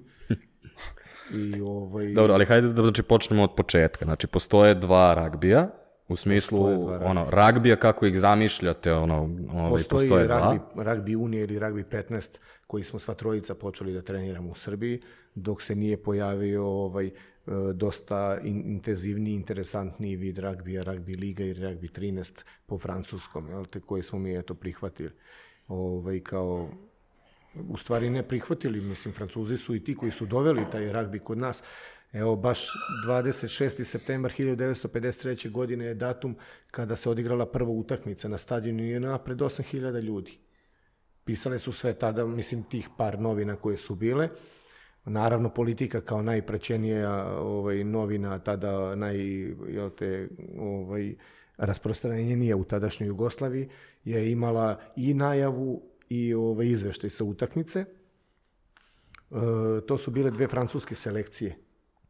Jedna je bila e, mlada reprezentacija Francuske, a druga univerzitet e, iz Marseja. I bilo je 44-41, to, to je bio rezultat. Doneli su igru u Srbiju, u Jugoslaviju i od tada kreće taj razvoj ragbija. Osniva se, par, osniva se partizan, radnički, ovaj, bilo je tu dosta klubova, međutim to je sve utihnulo 64. kada su zbog nekih ovaj, tadašnjih sitnih interesa, što je veliki kuriozitet, prebacili tada ragbi savez u Split. Mhm. I to je bio jedini e, granski savez e, na nivou, jel te, naravno, jer je savez države, koji nije bio u Beogradu. Mm. Ali ja mislim da je to ovaj, bila jednostavno osveta za prebacivanje nogometnog, sa, nogometnog saveza Jugoslavije iz Zagreba u Beograd. Ali dobro. Dobro, ti si sad ono, skliznuo u memory lane i takođe si mi ovaj, objasnio si pitanje ono da li je ragbi novotarija, pošto Ne, znači, kao 53. neki početci ragbija, znači imamo ragbi već 70 godina. Pa dobro, znaš, vode se neki neki ljudi koji se bave to ragbijem pokušavaju da te herioce stave i da kao 100 godina, što to jednostavno ne pije vodu. Nijedan od tih momaka se nije vratio u Srbiju kasnije. Mislim, možda se vratio Čekaj, da čekaj, obiđe čekaj sad. familiju. Moraš da objasniš ljudima šta se desilo 1920. Pa desilo se to da ovaj, posle povlačenja iz Srbije preko Albanije i Svete Golgote, kada su, jer te, ovaj, ceo svet, to jest u principu prvo Evropa, onda i svet čuli o, za oni su to nazivali jednostavno ogromnim velikim poduhvatom preseliti celu jednu državu, to jest narod, ovaj, na ostravo, ovaj, pokušali na sve načine da pomognu Srbima, Srbiji, srpskom narodu. I uzimali su te momke, ovaj, devojke naravno, da, da idu i da se školuju ovaj, u njihovim zemljama. E, jedna grupa učenika je otišla u Škotsku u srednju školu koja se tada zvala, mi- mislim zove se Herioc, on i, dalje, i dan danas postoji ta, ta škola. I momci, jedan deo njih su počeli da treniraju tamo ragbi, jer je to ovaj, bio obavezan sport na, na, u školi. Da ne kažem na fakultetu, na fakultetima je to bilo ovaj, ragbi je bio jedini sport koji se, koji se tada tamo i igrao. Ovaj, oni su u nekom trenutku kad su, jel te, eto, malo ovaj, izučili taj sport, kad im je ušao u krv, odlučili da odigraju jednu utakmicu protiv odgovarajuće selekcije škole e, pod imenom Srbije. I taj trenutak se vodi kao e, prvi kolektivni sport da je neko odigrao pod tim imenom ikada je ovde. reprezentacija Srbije. I to je bilo pre nekih 100 godina, jel? E, 1918. godine. Dobro, i onda imamo, znači, 53. godina koja je prvi, prva utakmica u Pa Srbiji. imamo i jednu utakmicu 1923. ali to je e, pokušaj neki ragbija, to neki loptaški savez. E, ali sad to je zanimljivo zato što u to doba, u stvari, je, ovo je sad ta opšta frka koja je nastala i kao kako su uopšte nastala dva ragbija i zašto američki futbol toliko liči na ragbi, a američki futbol liči na kanadski futbol, a australijski futbol se isto igra sa jastom loptom i tako dalje. Uh, recimo, u to doba je bilo savršeno normalno da recimo uh, neko okupi američku reprezentaciju od likova koji igraju američki futbol i da ode u Australiju da igra ragbi. Ili da australijski ragbisti igraju u američ, uh, američki futbol u Americi. Jer, kao što je Steva pričao, ono, nekada nisu to bili kao full trenirani sportisti, to su uglavnom bili A, recimo, čak jako često se dešavalo da, a, pošto u to doba ragbi 13 je bio profesionalan sport, m, ragbi 15 nije, Ove, dešavalo se da recimo svetski prvaci na 100 metara u atletici a, završe kao krilo u Viganu ili tako nešto, kao to je bilo veoma popularno pre drugog svetskog rata. Ove, I tako da u suštini cela ta u tačniji naziv je ono što imaju Englezi, a to je football ili footy. Znači, rugby je rugby football, odnosno rugby football union i rugby league football, uh, američki futbol je American football i sve je to neka vrsta u stvari jednog istog sporta koji je na neke minimalne razlike koje su posle kako se krenuo profesionalizam postale sve, sve veće i veće, kao što je na primjer gledali ste sigurno sa George Clooneyem Leatherheads, o, recimo kacige nisu postojale dugo vremena u Pa to sam američkom da futbolu, kažem, jel? tada nisu ni bili ti silni ovaj, pedovi, oklopi i ostalo, pa je bilo mnogo lakše da se prilagode jel te, toj igri ovaj, zbog koje su dolazili, tako prelazili toliki put da bi, da bi je ovaj, odigrali. Ali ono što je za mene u stvari zaključak o- ove e, šetnje niz Memory Lane, ove, odnosno istorije, je da postoji u stvari bogata tradicija uh, ragbija u Srbiji i ona se nigde ni, više ne vidi nego u Pančevu. Ove, kada odeš u Pančevo i kažeš treniram ragbi, niko te ne gleda čudno. To je jedino mesto u Srbiji gde ljudi su u fazonu ragbi. Aha, dobro. Da, I Dinamo. kao ti zaustiš kao I onda se shvatiš desi, kao da, da, o, Dinamo iz Pančeva, da, čuveni pa, tim koji su svi da, ljudi u Pančevu i znaju i iz tako dalje. Starčeva, tako da Da. Da. Oni su, ja mislim da to je ovaj, ono, kurizitet, jedan mali grad sa dva, sa Mm. dva kluba koji su u svoje vreme bili ozbiljni. A recite mi, e, šta vam je značio ragbi u životu? Pričali smo u jednom trenutku o putovanjima. Ne znam koliko je to današnjim klincima interesantno, jer u vreme kada smo mi počinjali, ja sad, ti si još generacije par i, ovaj, mlađi, ovaj, kada sam ja počinjao, nisi mogao da izađeš iz Srbije, kao, bilo je dosta teško. Ovaj, tako da ja sam prvi put putovao sa ragbijem u Francusku, Holandiju i tako. Pa dobro, bila je drugačija percepcija putovanja zato što, mislim, znaš, ti sada, ajde da zanemarimo situaciju sa koronom i svim, e, ti možeš suštinski da putuješ gde god hoćeš po nekim cenama koje su, da kažeš, pristupačne, znaš, a tada e, to nije bilo baš toliko lagano. Znaš, prvo avionski prevoz je bio ekstremno skup, e, drugo, sva ta putovanja su faktički putovanja od po 20-25 sati ako ideš mm. kolima, autobusom ili kako god. I onda je sve to delovalo onako, kao pritom vize, dok su još bile i sve ostalo. Znaš, mislim, to je zahtevalo ozbiljnu proceduru da ti uopšte odeš negde. Sad zamisli da obiđeš tri zemlje u isto vreme. Mislim, znaš, to je bilo ono nemoguća misija. Treba ti tri meseca da prikupiš dokumente da bi otišao četiri dana. I, I onda kada sam krenuo s ovim ragbijem, ok, jeste, mislim, svako putovanje je više zbog tog samog druženja sa ljudima, ali mislim da je ragbi, na primjer, kod mene, izgradio ozbiljan onako kao borbeni karakter, u smislu da e, nema moment da sad kao kažem, e, ok, kao odustaću sad, kao idem negde dalje. Znaš, to je s neke strane, znaš, u nekim situacijama u životu je možda me i koštalo, znaš, možda je bilo lakše da sam odustao, znaš, da sam rekao, e, ok, neću da radim ovo, ajde da idemo nešto drugo da probam.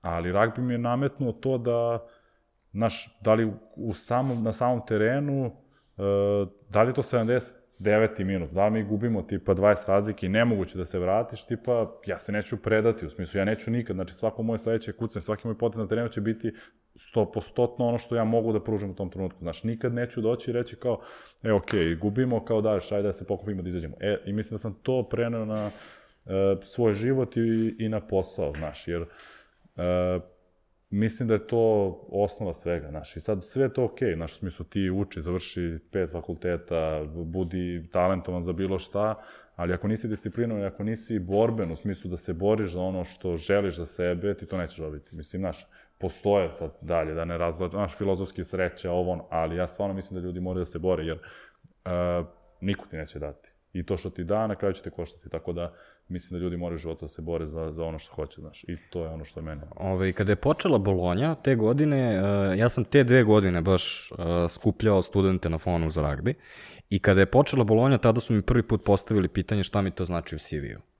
I u to vreme nisam mogao da im objasnim, a, a onda kada sam krenuo da regrutujem ljude za svoju firmu, ovaj, shvatio sam da, a kada imaš u CV-u recimo, bavio si se nekim sportom, aha, koliko dugo si se bavio, koliko si se ozbiljno bavio, šta si naučio iz toga, jesi ti tamo bio onaj koji probija ili si bio onaj koji organizuje, si bio play ili si bio krilo ili si bio centar ili da. i u ragbiju si bio stub ili kao, kako si vodio tim, šta si naučio o drugim ljudima, šta si naučio radu u timu, toliko stvari mogu da te, da te pitam ako si se ozbiljno pozabavio nekim sportom i to takođe naravno znači da kao imaš dovoljno strpljenja da, i naučiš da ono, 30 treninga dovodi do onog jednog malog poboljšanja koje će ti značiti i navikneš da, da, je, da, da je to vredno ulaganja, takvi ljudi daleko pre prosperiraju ne samo u poslu, nego i ono, u čemu god da se dovate. To je ono što je kao meni bilo, ono, ja to zovem metod kao rad. Ovo ovaj, mi je bilo, već sam pričao i kao koliko naučiš o radu o timu i koliko naučiš o komunikaciji, kako, recimo, jako mi je bilo zanimljivo, ja znam, znaš ono kada te neko ne gleda, to se dešava često na ragbiju kad se ljudi umore. I onda pokušavaš nešto da objasniš i vidiš da neko gleda u tebe, ali gleda kroz tebe. Ne vidiš. E, to se dešava i na poslu. I onda je kada uzmeš i provališ nekoga da, da gleda kroz tebe, to je dosta bitno. A takođe sada, za razliku od toga kad smo mi bili klinci, to je kad smo počinjali da se bavimo ragbijem, danas postoji neki pathway, ovaj, postoji dosta ljudi koji igraju u Francuskoj semi-pro, je li tako? Kao, ako, si, ako si ono dobar, kao postoji opcija da kao odeš da zaista igraš kao ragbi negde da. napolje. Da. Pa, evo, Steva je, Steva je sa Stefanom bio u Warringtonu na toj. To ćemo ga pitati trebala, kasnije. Koje, pa pričao je već, pominjao, mm. da koja je eto, trebala da bude neka odskočna daska njima dvojici kao najtalentovanijim mladim igračima u to vreme ovde u Srbiji, do duše ne ni mladim, nego najtalentovanijim igračima u Srbiji. Ovaj, dobro, sad neke druge okolnosti su se tu desili, inače trener tada trener, ovaj, kako se zove, Warringtona je bio Tony Smith, koji je bio ovde u poseti Srbiji, ovaj, je s, ono, svim srcem predlagao njih dvojicu nekim drugim klubovima. Problem je taj naš sa vizama tada bio dosta veći nego sada i sve to nije, ovaj, nije se tada uklopilo, ali evo igraju ljudi, igraju ljudi, igrali su i tada i u Engleskoj, evo sada u Francuskoj malo više njih Tako da vrata, vrata te elit, elit e, dva francuske druge lige su sigurno otvorena svim našim igračima, pogotovo što mi imamo dosta krupnih ljudi, a Evropa malo ovaj, stagnira u poslednje vreme s tim. Mm. I znaš, to im je neophodno, znaš. Uh, kakav je moj pogled na to, na primjer? Uh, 2009. ja 17 godina, Evropsko prvenstvo u Srbiji, slušaj, ja sam to Evropsko prvenstvo odigrao dosta dobro i uh, prilazi meni neki čovjek iz te Evropske federacije i sad mi razgovaramo tu, bio je baš Jovan, znaš li ti Vojošević, i sad mi tu da. sad razgovaramo ovako, onako neformalno i on meni kaže kao da je on sa licu univerziteta i da je zainteresovan da meni da stipendiju, da ja idem tamo da faktički upišem fakultet i da nastavim da igram ragbi. I sad pazi, 2009. Ne znam nikog ko je u inostranstvu da je otišao s ragbijom da studira, da bilo šta. Nemam uh, percepciju toga šta znači to kao visoko obrazovanje. Imam, kao, znaš, ono, kao treba ga imati, ali i naravno, znaš, ja sam ostao ovde, upisao ekonomiju, završio sve to, ali sad u ovom trenutku, ono što je moj savet uh, generalno tim klincima, ok, imate s jedne strane uh, pu, uh, lakši put da odete da gradite ragbi karijeru u inostranstvu, ali sa ono što je, bare meni, ono što je mnogo bitnije je da imate lakši put da dođete do stipendija za um, određene svetske univerzitete gde ćete vi uz, uz, uz ragbi da dobijete njihovu diplomu i da e, faktički uđete u njihov sistem. A mm. taj ulazak u sistem, tipa jedne engleske ili francuske, je ekstremno težak. Pogotovo kada vi idete tamo sa 25 godina, sa 22, sa 23, ali kada odete sa 18 i kada prođete njihovo obrazovanje, taj kao, taj, to formalno obrazovanje 4-5 godina, da li je to kasnije master, šta god, e, koje ragbi može da vam omogući, zato što ste možda u njemu dobri u trenutku kada imate 17-18 godina,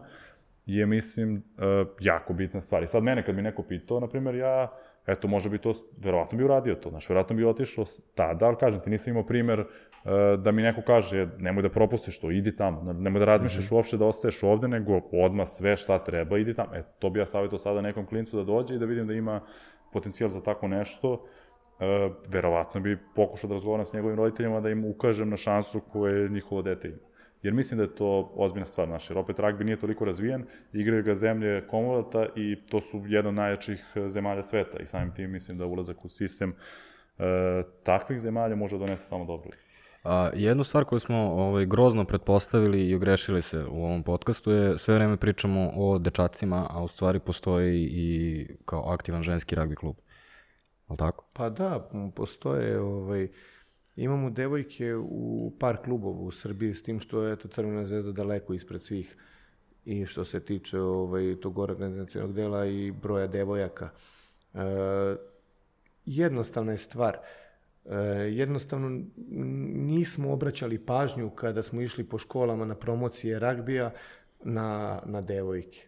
I devojke nisu obraćale toliko pažnju jer, eto, znaš kao, došli su da promovišu ragbi sad sećam se jedne promocije u, u prvoj Beogradskoj gimnaziji. Tad su obraćale pažnju zato što je Steva bio s nama, znaš. Ovaj, I tad su, ali eto, samo sa strane gledale ovaj, tu promociju ragbija. E, Zvezda je, eto, krenula s tim iz onog jednostavnog onog razloga, devojke su bile u fazonu, hoćemo i mi. Znaš ko, što samo oni hoćemo i mi. I onda su videli da to stvarno ima tu neku prođu i eto, nakon, ono, skupili su ozbiljan broj devojaka, ovaj, čak dva kluba su imali, to je dve ekipe u Crvenoj zvezdi, to je bilo ono super. Uh, Partizan malo eto radi s tim, uh, iz Leskovca imaju par devojaka, Niš, ali mislim da stvarno ima prostora za napredanje što se toga tiče, pogotovo što evo devojke su prošle godine uh, igrale utakmicu protiv Kanade reprezentacije koja ide na svetska prvenstva. Mm -hmm. I uopšte nisu ovaj, razočarale, niti, uh, im, niti je bilo ko imao bilo kakav minus, da kaže. Svi, svi smo bili oduševljeni tim njihovim nastupom, tom igrom, tim zalaganjem. On stvarno svaka čast. To je bilo nešto nevrovatno. Ok, znači poenta je a, ono, čak i devojke Može. koje su, ako ste slučajno ostali sat i po da slušate ovaj podcast, znajte, znajte da i vi možete se baviti ragbijem, izvinite što nismo, ove devojke koje se bave ragbijem, izvinite što vas nismo pomenuli ranije, devojke to je zato što ovaj, sam ja ovaj, zaboravio. Ovaj, moramo šešće se družiti. Naše devojke sa ragbija su sjajne devojke. Da. Sad smo imali, evo, proletos, smo imali i prvi kamp sa devojkama, mm -hmm. do duše zbog evo korone i eto, ovaj, većina njih i radi, tako malo leti ovaj, da bi skupilo neki džeparac, jel te, ovaj, za letovanje ili za šta već treba. E, pa i odziv nije bio nešto sad ovaj, veliki, ali eto, počeli smo pa svake sledeće godine na tim kampovima ćemo imati ovaj, devojke. Ne, nećemo odustati sigurno od toga. A, Stevo, ovaj, kad si već tu, ovaj, da te pitam jednu stvar koja me dosta zanima, to je dokle planiraš da se baviš ovim? Kao Ono sad imaš već rekao si, ništa kao da imaš da svoj posao, uh, imaš takođe i mogu, možeš se reći karijeru influencera i kao dosta, ono, dosta veliki Instagram profil. Kao sve to, ono, sve to je sad ono što ljudi kao, šta radiš kada završiš sa svojim sportom, je li tako? Kao, da. dok, kao šta ćeš? Pa prva stvar, ja radim jako dugo Znaš, mislim, to nije ono sada kao, pa sad ću da razmišljam, znaš, mislim, suštinski ja radim od 14. 15. godine, da aktivno radim, ono, bukvalno svaki dan, duže od 8 sati, poslednjih 6 godina, verovatno 7. E, pa ne znam do kad planiram, znaš, mislim, e, dogod uživam u tome, dogod imam takmičarski duh, dogod e, želim da pobeđujem, dogod e, mi je lepo kad iđem na taj teren, e, ja ću igrati. Znaš, nemam ono, sad kao naš u glavi, ja verujem da će to da se desi samo u jednom trenutku, znaš, da ja neću morati da sad to razmišljam, jer uh, meni je, na primjer, sad, kažem ti, kad sam bio povređen i sve to, ja sad gledam uh, sa strane, znaš, sa tribina ili kako god, znaš, gledam taj ragbi svakog trenutka bi volao da uđem na teren, znaš, i onda dokle god imam tu strast prema samom sportu, sigurno ću igrati.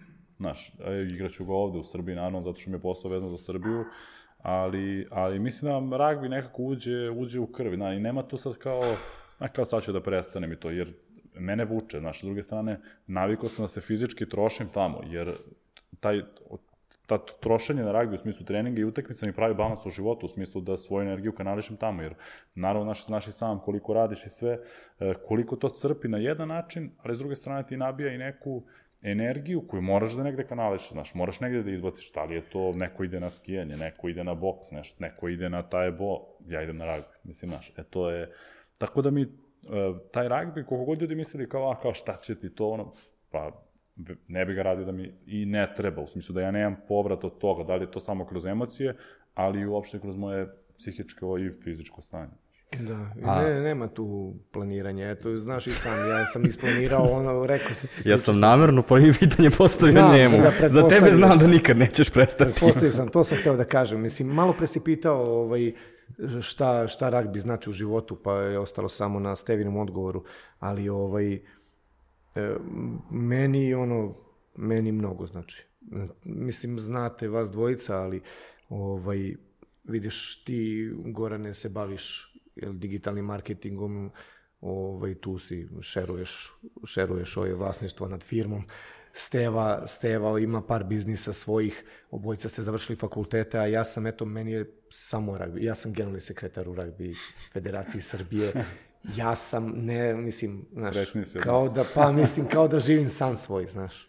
Kao, imam sina, kao imam futbolski klub koji obožavam, kao Ofka Beograd, koji mi je on od malena nešto specijalno, i imam ragbi i meni je to, znaš, ja te tri stvari su mi kao, eto, to me čini i naravno sve što ide uz to.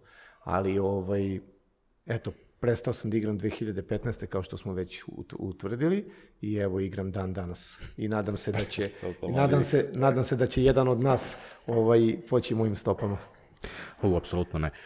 Ove, a, Steo, kako se tvoj uh, Instagram u, u ovaj profil uklapa u tvoj život, plan i karijeru? Kao, št, kako ti posmatraš to?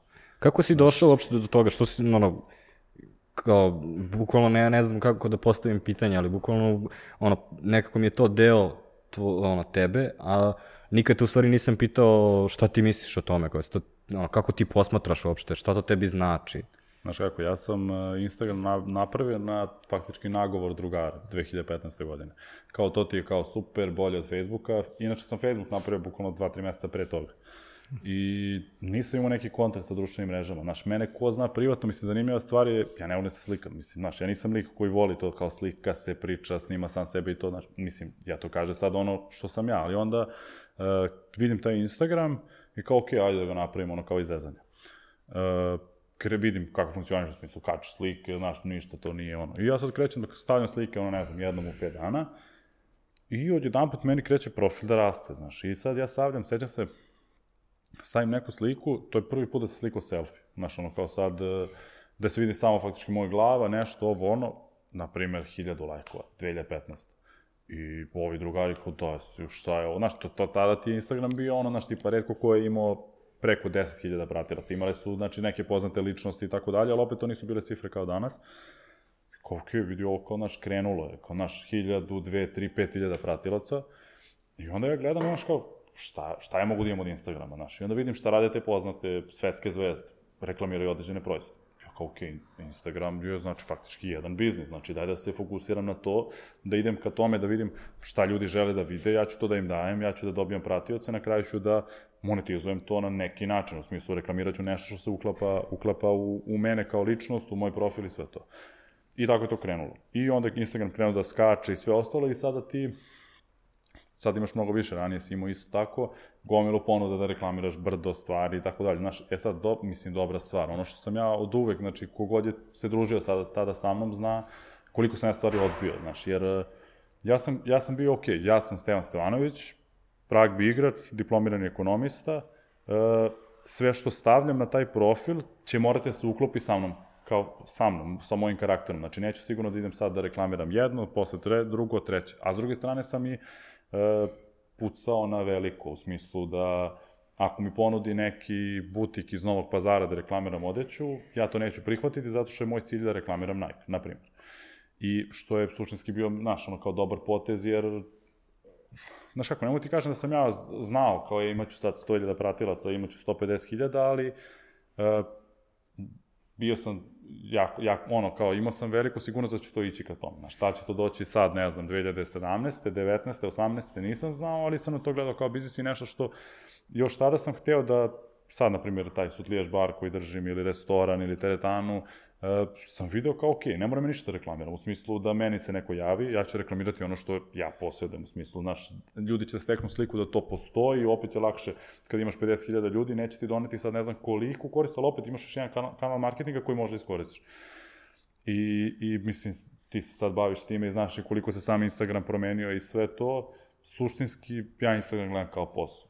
To ti je ukratko ono šta je. Znaš, ja Instagram nikad nisam doživljavao kao mrežu za kao komunikaciju ljudi, za ostvarivanje kontakata ili šta god, u tom smislu, kao, znaš, za, zašto ljudi koriste, niti sam se nešto sad kao opterećivo, u smislu samim Instagram. Ja sam znao, ok, u jednom trenutku kada, kako je bilo ono, kako je tada funkcionisao algoritam, mora staviti sliku svaki dan, ja sam to radio, kada je bilo bitno, znači to je bilo ono kao vreme, tipa 6-7 popodne, zato što su slike išle hronološko, u smislu, ako ja poslednji postavim, ti, ti vidiš prvo moju sliku. Na, kasnije se to promenilo i sve ostalo i zbog monetizacije samog Instagrama i svega, ali ja sam gledao da počne ta neka pravila, ono naši taj algoritam koji je tada mogao da se predvidi šta će da se dešava i tako dalje, i tako mi je profil rastao. Mislim, znaš, ništa ja nisam radio sad kada sam otkrio toplu vodu, nego jednostavno sam čitao, video šta to kako je, kačio slike i rekao u smislu sve što dođe od Instagrama je samo jedan plus.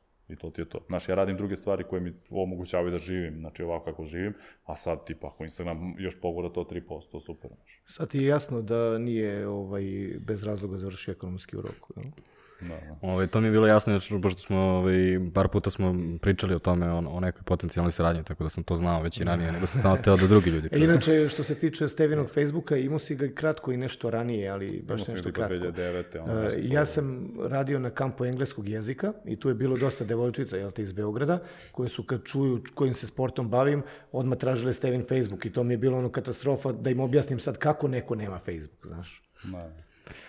Ove, ok, uh, ja bih ovde završio, ali ste evo, sve što si rekao o Instagramu, u stvari sada može da krene naredni podcast, koji bi se zvao Instagram kao biznis.